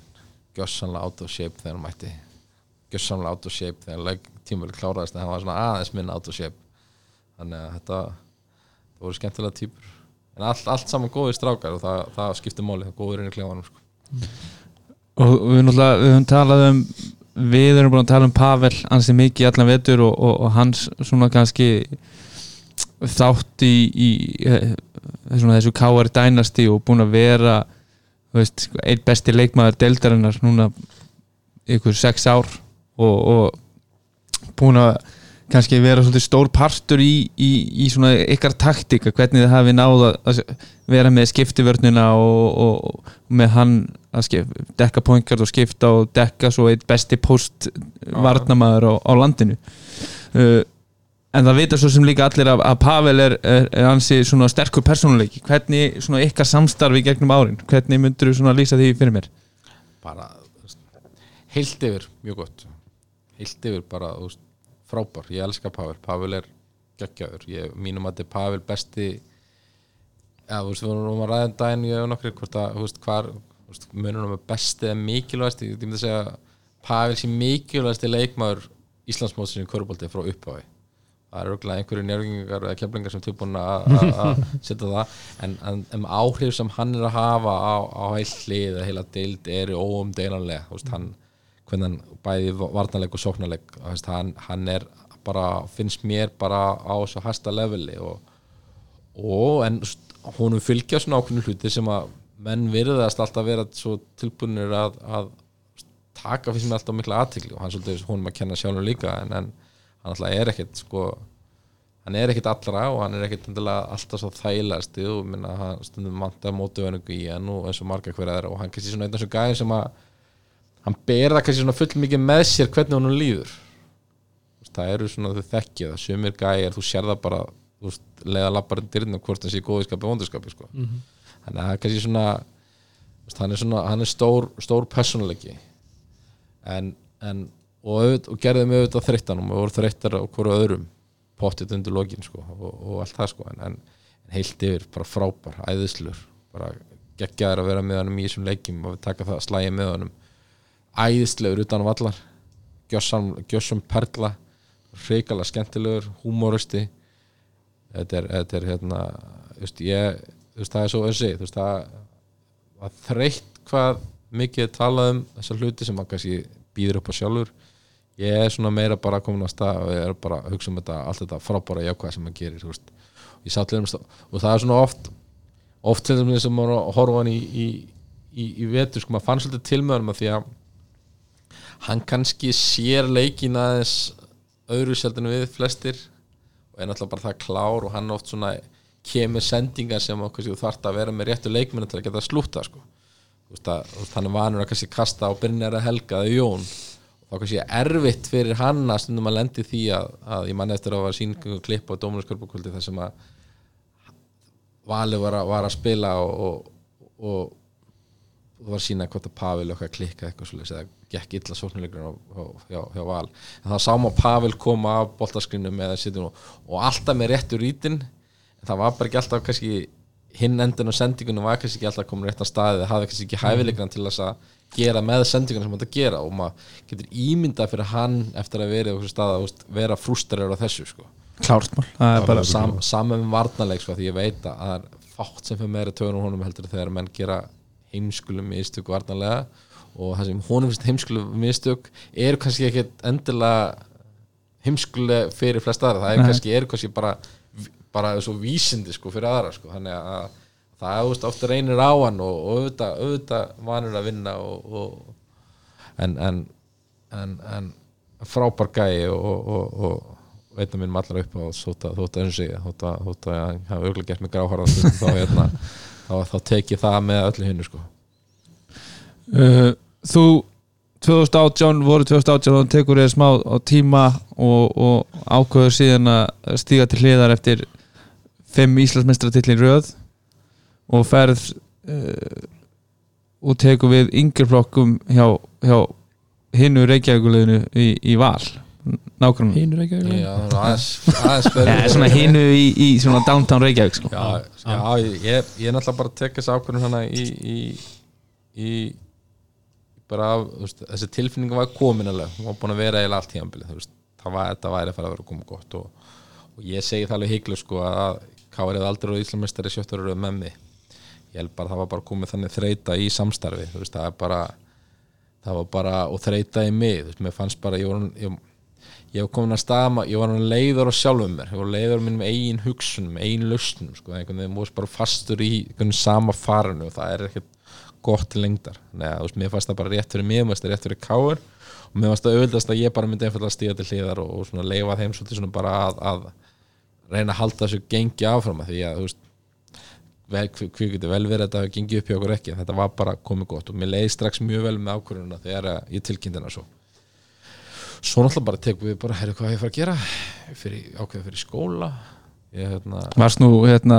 svona mótel fyrir, fyrir það? Já, ég er náttúrulega platar í plat- plata mér allan anskutan en svo einhvern veginn bara gerist veist, það bara bara ég er náttúrulega bara þarf að vinna ég vildi ég var ekkert, var ekkert endilega, hugsa, um- ekkert endilega búin að hugsa mér að þjálfa sko.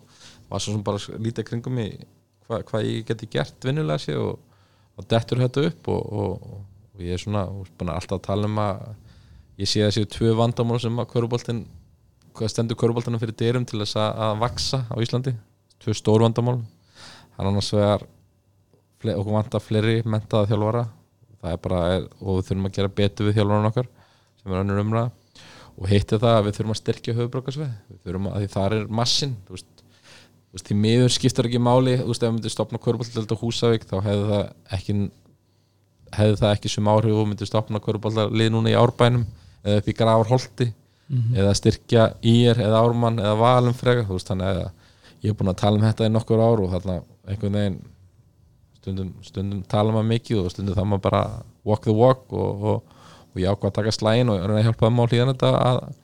að byggja upp og, og, og reyna að miðla eitthvað minni reynslu þar.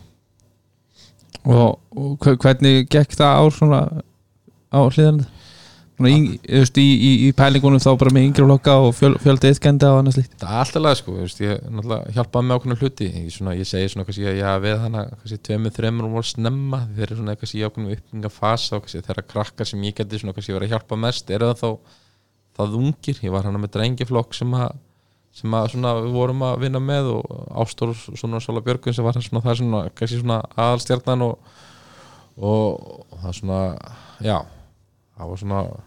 ákveðin challenge eins og það er við erum með í úlingaþjálfunni, þú veist, úlingaþjálfunni er rosalega erfið á því litið að því að þeir, þessi strákar og stelpi þeir æfa rosalega seint á kvöldin. Ræðileg, er þeim fá alltaf svona afgangsæfingatímana og saman tíma ertu með krakka sem eru kannski í fullu kominuna inn í metaskóluna og eru svona að lifa lífinu svolítið, veist. Það er rosalega erfitt að díla við þetta. Þeir eru krakka sem er svo, svo mótið bara eftir einu svona dag kannski fjórum, fjórum, fimm á viku. Og svo þú fann að þú fyrir að missa eina, tvær æfingur út af því að það er stóru ríkjar eða eitthvað eða það er kannski er eitthvað sem að þú veist, annað í lífun sem tóður í sko, þá er þetta stór partur af æfingarfengunum farin sko. þannig að við erum þetta er, þetta er, þetta er eiginlega þriðja vandamáli sem ég er búin að bæta við í þetta sem ég tala um á það er einhverju hvað við erum að gera með úlingaþjálfun okkar því að þar er, þar er vandamáli ekki fjöldi útlendinga efstöld. En önnur umræða. En, en svo eftir þetta tímabil í, í val búin að taka ár svona í að kannski hlaða batteri, maður getur kannski orðað þannig. Uh, þú varst búin að vera opinskátt lýsa því yfir í viðtölum að, ef að svona rétta tilbúði kæmi erlendis frá uh, þetta er svona til harkbransi. Já, já, já, og svo kannski náttúrulega blika það eins og saðan að það er svona engin, engin lagt líð, leiðina fyrir okkur. Meina, íslenski þjálfar íslensku körubolti er nú ekkert hátt skrifaður út í Evropu þótt að hann ákvæmst skána með með, með, með að vera hann á Júrubasket tvö, móti röð en, það var svona, þú veist, ég hafnaði nokkrum tilbúin með heima og, og, og var unnur ekkert að leiðina tímastarstjálfurina svo kemur þetta frá Danmörku og, og og hann ætla bara Craig Pedersen að þakka því hann, hann, hann spilaði nú þannig fyrir einhverjum 25 árum eða svo. Og hérna hann svona benti mér að þeim og ég spjallaði eins við þá og fór svo bara í svona rannsóknar vinnu sjálfur og báru þeim allir mjög vel orðið og velir ekki félag og búin að vera í topparötu og undanfærin ár og, og, og, og í Danmörku sem svona tiltrúlega þægilegt land ég þarna er með þannig með þryggjára stelpu og einn, einn einn tveggja mánuða eða þryggja mánuða þegar við erum að skoða þetta sko. þannig að einhvern veginn svona bara kíluð á þetta. Það voru, svona aðri mögulegur búðinu heima og maður var svona fann að skoða að að að byrja að byggja einhvern feril utan kvöruboltans því að það kemur kannski að því einhvern tímpúntið að maður þarf að gera það líka. En, hérna, en það bara ákveðum bara að kíla á þetta og sjáum ekkert eftir því. Ekki fyrir hann að vera hann kom. Já, náttúrulega árið uh, gengur nokkuð vel. Þið eru í topparótu þið farið í byggarúslit tapið þar á móti Bakkenberg sem er náttúrulega kannski svona bara kóngurinn í, í danska köruboltarum með budget sem eh, flestlið og öll hinliðin kepp ekkert við. Já, þetta gengur alveg bara príðilega sko. það er svona deild, deild, sko, það er marg gott í dönsku deildina. Það er líka, þú veist, fyrir mér var rosalega gaman að koma inn í einhver umhverju sem að ég þekkti ekki neitt, sko, þekkti ekki leikminna vissi ekki hvernig þjálfararnir voru, vissi ekki hvað gerðist og ég, ég var ekkert ómikið að endilega horfa ómarga leiki fyrir tíðanbilið því ég vildi svolítið bara svona fá þessa fersku tilfengu, þú veist, búin að vera að þjálfa í Íslandi síðan 2000, í efstildið síðan 2004 sko og þekkja allt, alla yngri flokka allt saman sko, þannig að maður svona að fá að koma bara inn í fest umhverfi var mjög gaman sko, en danska dildin hefur það mótið að hún er sko hún er með þetta bakkin sem við með, held að voru að segja í fyrra þá var tapið á rekstinu þeirra meira heldur en budgetið og öllum hinuleginu til samans. Þannig að bara tapið sko, þannig að þetta er einhvern veginn svona unreal sko, menn svona geta talið um að þetta er svona svo káur í, í þessum 5 ára eða 6 ára rönni. Bara nei, nei, þetta er, þetta er, þetta er, þetta er miklu starra, munurinn er miklu starri uh, og svo þannig að þeir eru þannig á toppnum svo eru svona þrjú fjögur lið sem eru svona eftir þeim, það sem að Horsens er af þau það fer svona okkar sé eftir ári hvernig, hvernig liðið er samsett. Og svo eru fimm lið sem eru klálega miklu, miklu, miklu lélir og sérstaklega 2-3 á þeim. Þannig að þú varst að spila mjög, mjög móti mjög svona breiðu getubili. Þú veist að kannski einn daginn eftir að spila á móti frábælið sem bakken. Og svo þú móti að spila á móti leiði sem kannski væri bara þú veist, er bara mörgum skrefum eftir okkur sko sem að þú veist, þú þurftur ekki að eiga drauma leik til þess að vinna sko. Þannig að, að það, það fannst mér að leiðast við dönsku deildina, það var mikill munur sko. Þannig að þú varst kannski pluss það að og leikja fyrirkomulega var þú veist, það var engin svona fasti leikdagar það leiði oft langt á milli leikja og þannig að þú kannski fóst spila kannski þrjá leiki á, á, á fjórum vikum svo spilar kannski sex leiki á, á tóltugum sko, eða, þú veist, eða 15 dögum sko, það var mjög, mjög spes sko, þannig að það var svolítið erfitt að þjálfa í því umhverfi erfitt að ná svona takti, rytma. Og, og svo náttúrulega eins og allir vita þá endar sísónið uh, út af veirunni. Og þú nokkuð svona fljótur uh, tals með þess að uh, það eru aðri hluti sem skipta meira málu en körubolti Já, bara íþróttir veist, að- og, og veist, við erum í afhverðingariðinaði þetta er það veist, einhver segja á ekki að fara bara að loka skólum og búðum og, og eitthvað svo laus, nei, veist, við erum ekki við erum ekki svona sem kjarna, við erum ekki í bakbeinið í samfélaginu. Við erum afhverjingariðinaður og, og mér fannst svona gleyma svolítið í umræðinni sko, veist, bara helsa leikmanna og þeirra sko velíðan sko, því að að sé,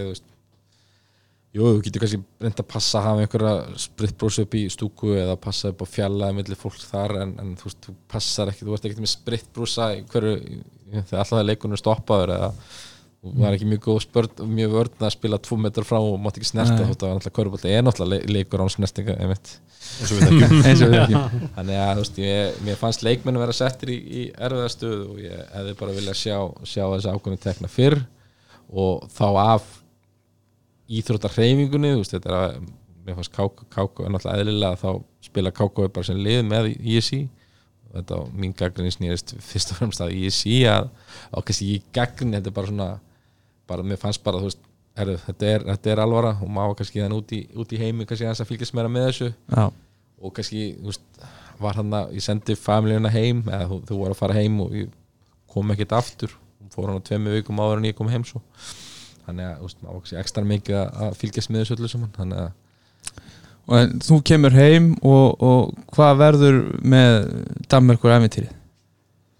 Já, náttúrulega tímabulum flös var flötað af og ég er að vinna vann brons í fyrsta skipti. Þar ákveður að, að hafa bara endastöðun þá, þannig að bakkin yfir östarsætti og eruðu meistarar. Uh, Randers var í öðru sætti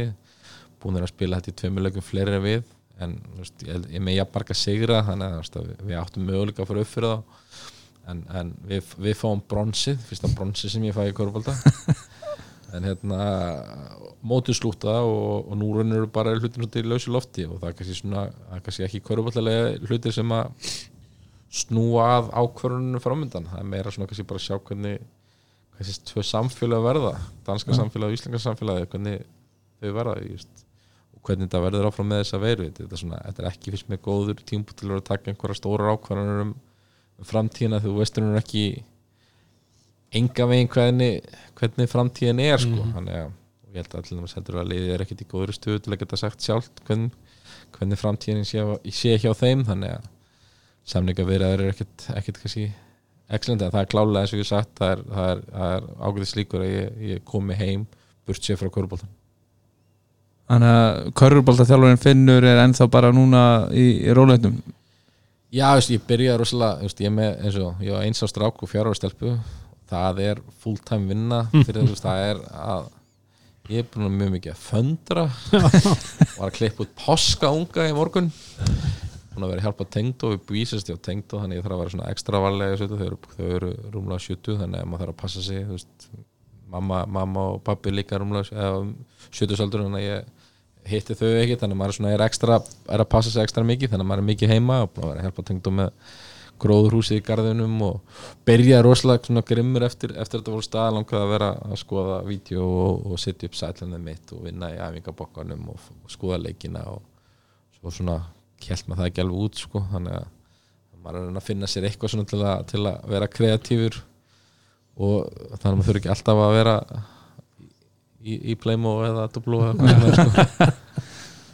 En, en, en þú ert nú sem uh, kannski kauruboltalega að segja þá, þá, þá ertu náttúrulega eh, líka yfir þjálfari yngrilandsliða Já. á KKI Já. og, og þó svo við kannski förum ekki út af því að vegferð þín er það við mikilvæg að það er búið að taka ágætist tíma að fara við KKI tímabili að við förum kannski ekki djúft inn í KKI en þú er náttúrulega búin að vera uh, innvolaður í starf KKI frá því bara 2005 held ég að sé Já, ég örgulega mögulega ferri í svona sem, að, veist, um það leiti held ég þú veist, það náttúrulega eru þessar, þessar úrvalsbúðir þessar svona, svona helgar sem eru á sumrin Já. allskinn svona hluti sem er búin að vera meira með nýja hver einast ári svona svo undan, undanfarin tæpa tvo ára tugi þannig að veist, að maður er verið, verið náttúrulega bara með puttana þar og það er náttúrulega fyrir okkur þjálfarana heima þá er þetta svona, þú veist ef þú ætlar að gera eitthvað aðeins meir heldur en að þjálfa þínu félagi sko, þá er þetta máli sko. og þannig er ég búin að læra greiðilega mikið? Og þú- kemur og þú ert búin að vera í e, þjálfari og aðstöðuþjálfari í yngrelandsliðum, þú varst aðstöðuþjálfari á Gústa í allandsliði Kvenna um stund. Uh, og ert svona í, í gegnum gangandi í þessu KKI starfi og kannski svo 2014 stækkar hlutverki og þú fer, tekur við 20 og ert aðstofþjálfari í, í landsliðinu Já. inn í þetta tímabil í gennum tvö stórmót og, og, og 20 liði aðdild og, og, og svona Akkurat, nokkuð svona st- stór verkefni sem þú er búin að vera í á, á, á þeim vikstum já, bara mjög og annar svona, annar hluti af þessum já, fimm árum raunur sem er, fimm sakar árum sem er mjög skemmtilegu sko, og bara svona alveg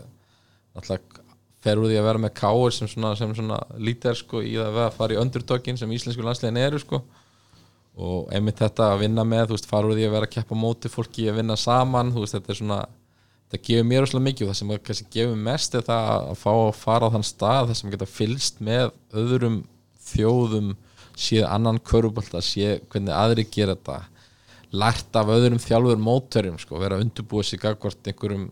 sem er rússar eða króatar eða grikkir eða, eða Luxemburg eða hvað sem er, það er allstaðar eitthvað, eitthvað gott sem er þetta að taka af eða eitthvað slant sem er þetta að læra af líka sko, þannig að, að þetta gaf mér rosalega mikið og það er ekki að alltaf, þessi tækifæri að vinna á svona tveimur stórmótum með, með allansliðinu og, og þessi verkefni með 20 sem voru endur með að vera miklu starri heldur en við þorðum að vona. Þannig að þetta gaf mér rosalega mikið og, og ég veit að þeir þjálfari sem hafa verið í þessum svona held sér út í yngri landsliðin, þeir hafa lært helling og, og það, það er raunveru það sem að eitt af því sem ég er að gera með í yfirþjálfarstöðinni í KKI og þú sem yfirþjálfari ég hef svona sjálfur smá reynsla af þessu að vinna með þér þar. En uh, þú ert kannski með myndi ég segja svona nokkuð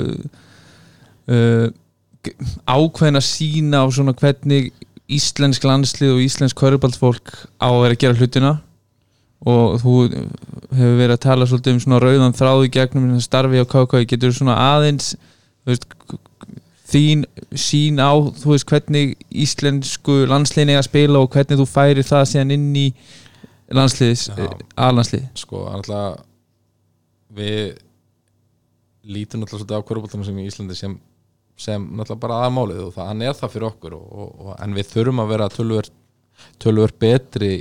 í kvörubolta heldur við erum þetta það eru allt og fái leikmenn sem við eigum í, í, í atvinnumennskunni. Það er bara til þess að Íslengu kvörubolti taki skrefin áfram þá þurfum við að koma fleiri leikmennum út. Við þurfum að koma með fyrr út og við þurfum að koma með tilbúnum út. Þú veist, það er, það er stort mál í þessu. Og við höfum náttúrulega félagsliðin okkar en við höfum svo sem landsliðin líka sem ákveð tól bæði til þess að þjálfur leikmennin og sína þeim. En til þess að þið getur orðið þessi leikmenn sem viljum vera þá þurfum við að passa að þeir fari gegnum prógrunum okkar og verðu þessi leikmenn þegar þið klárast því að KKI reykur prógrunum fyrir, fyrir krakka frá 13 ára upp í 20 ára sko. við getum haft áhrif á þess að ferla á þessum krökkum gríðarlega mikið inn í KKI náttúrulega við félagin en það sem ég kannski upplýði þegar vorum að fórum að var inn í alaslinu, vorum að velja leikmenn og skoða, að við kannski sáum það að, að, að við vorum kannski að skoða leikmennu 20 eða eitthvað svolítið, eða fyrirmyndi leikmennu 20 að við sáum kannski að við vorum að leifa leikmenn að komast upp með það í yngreinansliðunum sem kom í veg fyrir að þið voru kannski valdir í alansliðinu og, kannski, og það var þá helst kannski skortur á varnarleik sem er reisastórs vandamál á Íslandi. Uh, það er þessi svona þessi, þessi hlutur eins og að, að bara skotaval, þessi ekobolti sem að miður á, á, er alltaf mikill í yngri flokkunum sérstaklega og þessi bara þessi svona liðs, liðs hugsun sem er í gangi sem, að, sem, sem okkur fannst vanta og það er nú bara geta gert litlu hlutin aðeins betur sko. þannig að við fórum svona kannski á stað að reyna að miðstýra aðeins hvað við erum að gera í, í, í sambandinu og hvernig við viljum æfa og, og raun og veru settum á blað svolítið bara hvað við vil, hver markmið okkur yngriðastan er og það hefur raun og veru aldrei sett beint markmið og ert ekki með, með markmið þá er kannski erfitt að stefna ykkur og við erum bara með markmið núna að aðal markmið yngriðastan er að skapa leikmið fyrir aðlandsliðin hvað sem það kalla eitthvað B-markmið er þá að skapa leikmenn fyrir atvinnumenn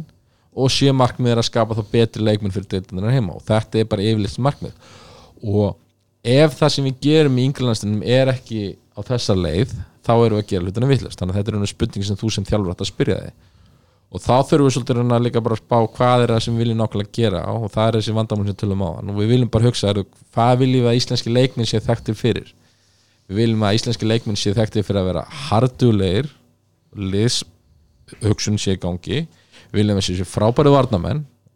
og við viljum að geta skotið því að skotið er orðið svona element í leiknum sem, að, sem að, skiptið svo miklu máli. Þannig að allt okkar starf þarf svolítið að vera að, að miðast að þessu, hvernig við getum þróa leikminni þessa átt sem, og það sem við reynum að gera er að er að byggja upp svona einhvern grunn og varnarleik og einhvern smá svona grunn sóknleik eitt af það sem við tölum alltaf um að tölum allir, að vilja allir segja við erum að spila svo hratt. Svo skoði ég leiki frá hver einasta landslið þetta sumar áður en tek við og þá sá ég bara, heru, við viljum spila hratt en eina sem við gerðum er við hlupum völlin hrikalega illa og tókum liðlega skot. Þannig að, það er ekkit sama sem merki að spila hratt og taka snögg skot til dæmis af því að við viljum, ef við viljum að spila hratt þá þarfum fyrsta lagi að geta hlaupið völlin rétt. Við þurfum að geta verið með á einhver, einhvern kultúri og einhverju humdafræði hvernig við viljum gera það. Og svo geta tekið góð skot. Við veitum það að við erum með, með Gunnar skiptu hérna að veist, hans skot kannski í byrjunsóknar var kannski slæmt skot en ef hann fær sama skot í skoklugunar þá var það gott skot. Þannig að veist, gott skot veist, contested semi-open þristur í byrjunsóknar er léleitt skot, contested semi-open skot í lóksóknar er gott skot. Þannig að, að við þurfum að reyna að kenna þeim þetta og, og það er unnöður það sem við erum að gera reyna að búa til eitthvað svona box eitthvað svona einhvern ramma sem við vinnum inn í og skrásetjum svolítið það sem við erum að gera þannig að við getum lart að því, skoðum hvað við gerum hverju ári og reynum svona að, að sé svona aðeins meiri framför, hann er sem ekki spóla sama gamla farinu sem svolítið var, hefur verið vandamálið þannig að það er basically það sem ég er búin að reyna að, gera og er langtíma verkefni og, og kannski er svona, maður er að gera svolítið svona á, á kantinum með, með, með öllu hinnu. Og þetta kannski fer uh, í sambland með því að, að, svona kannski þjálfara mentunin eins og þú talar um áðan að það er náttúrulega líka verið að koma henni á svolítið herra level og, og þú hefur mitt verið að halda fyrirlestra á þjálfarnámskeiðum til dæmis um, um, um elementin svo skáting sem að er eitthvað sem að ég myndi segja er klálega búið að taka stórum framförum í íslenskum körfubólta með við bara frá því að ég sjálfur komin í meistaraflokk að og frá því að vera hvernig meistaraflokkar eru, eru í dag og hvernig efstadel kalla er unnin í dag að þá er þetta bara, bara stjartfræðilegu munur. Já, bara, bara, bara maður grínst of með það bara munurinn á mér fannst við vera veist, nú, við skúli skúli með tengslinn í Arna Guðjóns náttúrulega þeir eru félagar og Arna Guðjóns var hann að skáta veist, FSU og slust þannig hann, hann stóra á pakti svona leika við vorum nota sætlankerfið sem að er gríðilega gott fyrir skátingi en þetta fyrsta ár sem vorum, ég fannst við og ég segi það bara á þessum fimm árum sem við vorum hana sama, það var, vorum aldrei það var aldrei neitt lið sem var betur undirbúið við leikjum. Það var kannski lið sem var jafnvel undirbúin en við vorum aldrei verð undirbúin heldur annarstæðagurinn og ég oft tölum að veist, við gáttum hlaupið sumu kerfin fyrsta árum mitt var sumu einföldu kerfin fengur sumu öföldu körfurnar. Að því annarstæðagurinn var ekki bara undirbúið sér fyrir það sem vorum að gera þannig að við gáttum nútið svona einföld trikk. Svo þegar tímabælinn leiður sko þá hættu við að geta fengið þessu öföldu körfur þá þurftum við að fara alveg dýpar inn í sóknarleikin en það var undirbúin ykkur liðana og bara þróun bara að gerast. Og menn, hún, hún gerðist alveg á þessum árum áður hún er alltaf að gerast ég meina þessi þjálfur þetta eru miklu betur heldur en, heldur en þjálfur fyrir, fyrir fimm árum og tíu árum á ákveðin hátt og hafa allir sína þjálfurar kosti og, mm. og, og svoleiðis en, en það er svona veist, þekkingin er aukast og, og undurbúningur er orðin svo vætal í því að láta alla leikmenn vit fá upplýsingunum hvað er að gerast og hvernig þú vilt koma til leikmenn er orðin mikilvægt og leikmenn slíka er orðin svo vanið því að fá ákveðnu upplýsingar að ef þú ert ekki að sinna því almennilega að þá, þá ert ekki að, að, að gera vinnuna þína. Það er bara svo lis Þetta er búið að vera ansið gott spjall. Já, ansi gott, virkilega Tveggja, tveggja tíma vegferð. Já, uh, kannski ein loka spurning. Þú varst með eina góða spurning sem þú ætlaðir að hendi í hérna hraðaspurningar. Já. Uh, bara, bara, bara svona ein létt að þetta, já, ég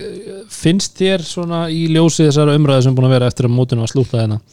var þetta rétt ákvörðin sem var tekin? Svona hvað er þitt teika á það? Með eitt lið niður, eitt lið upp er þetta,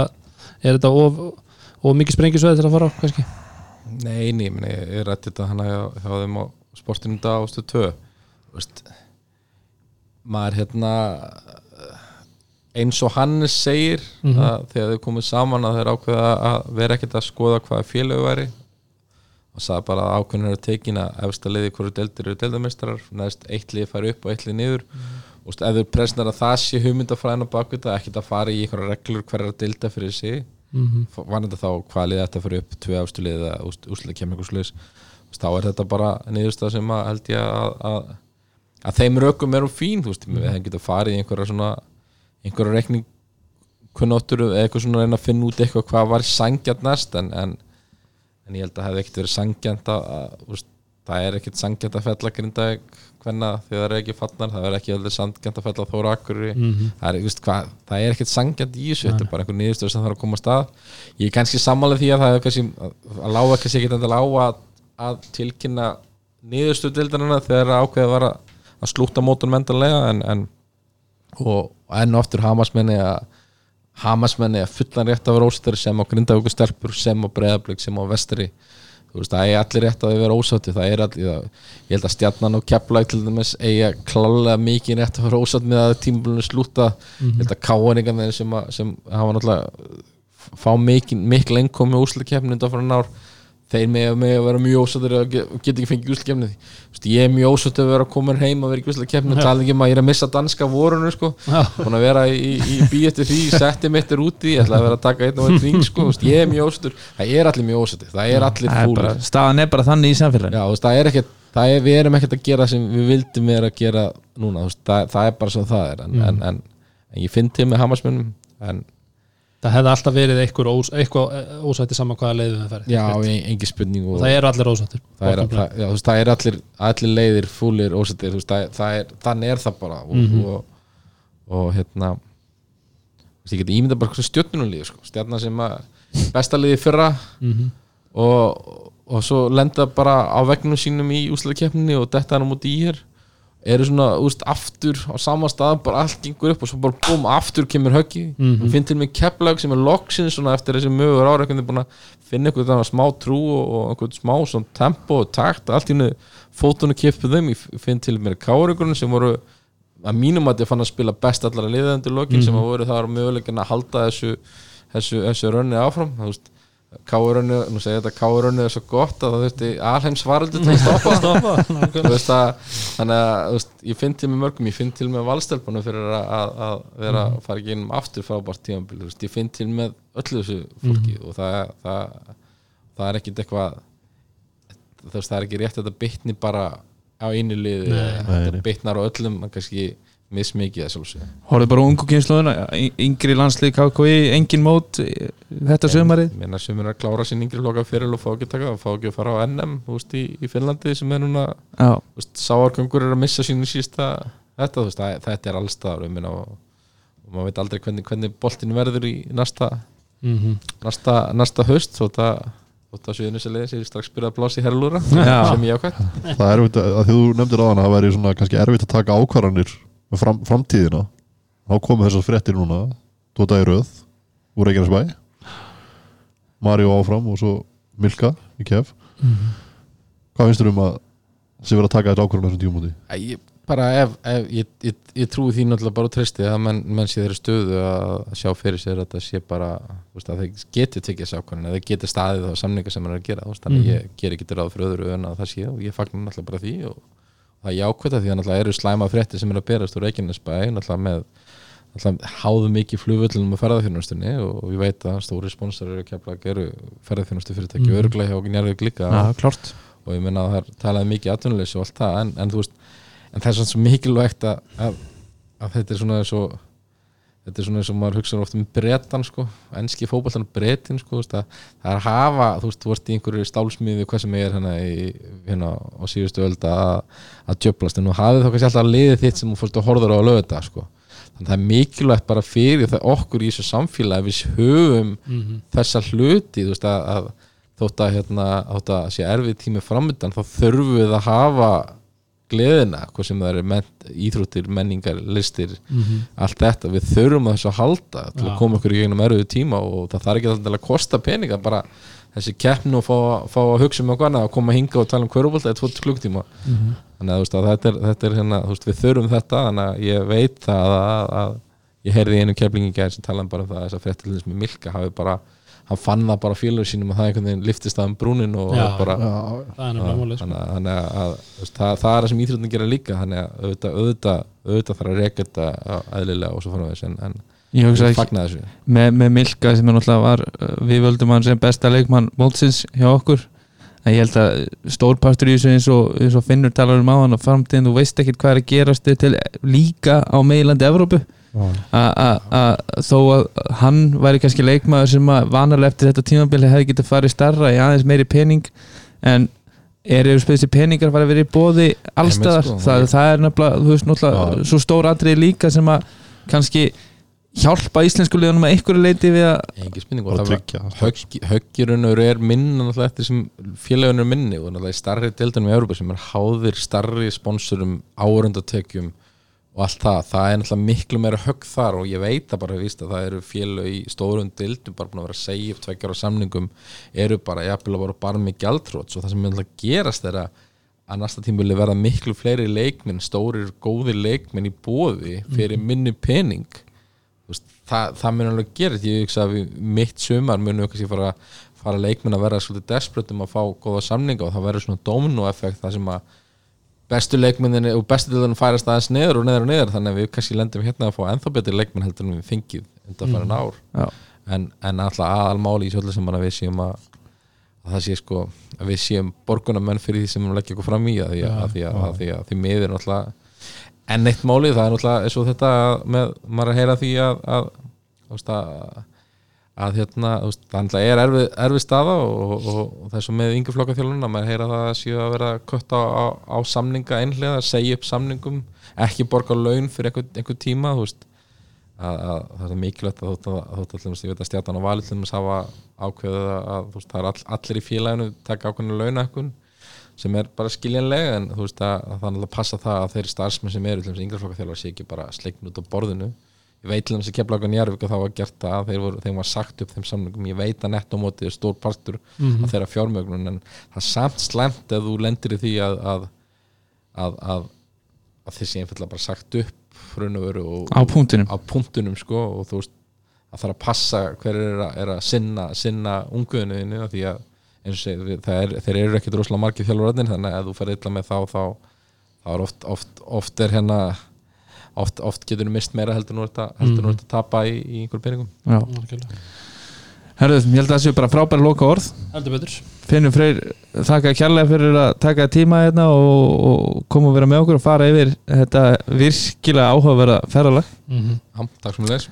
Og við, við fyrir kannski bara látum bara hérna, næsta landsleisverkefni líða og þá, þá tökum við aftur tvo tíma og tölum um verkefni innan KK tökum við um Eurobasket Júrubaskið, já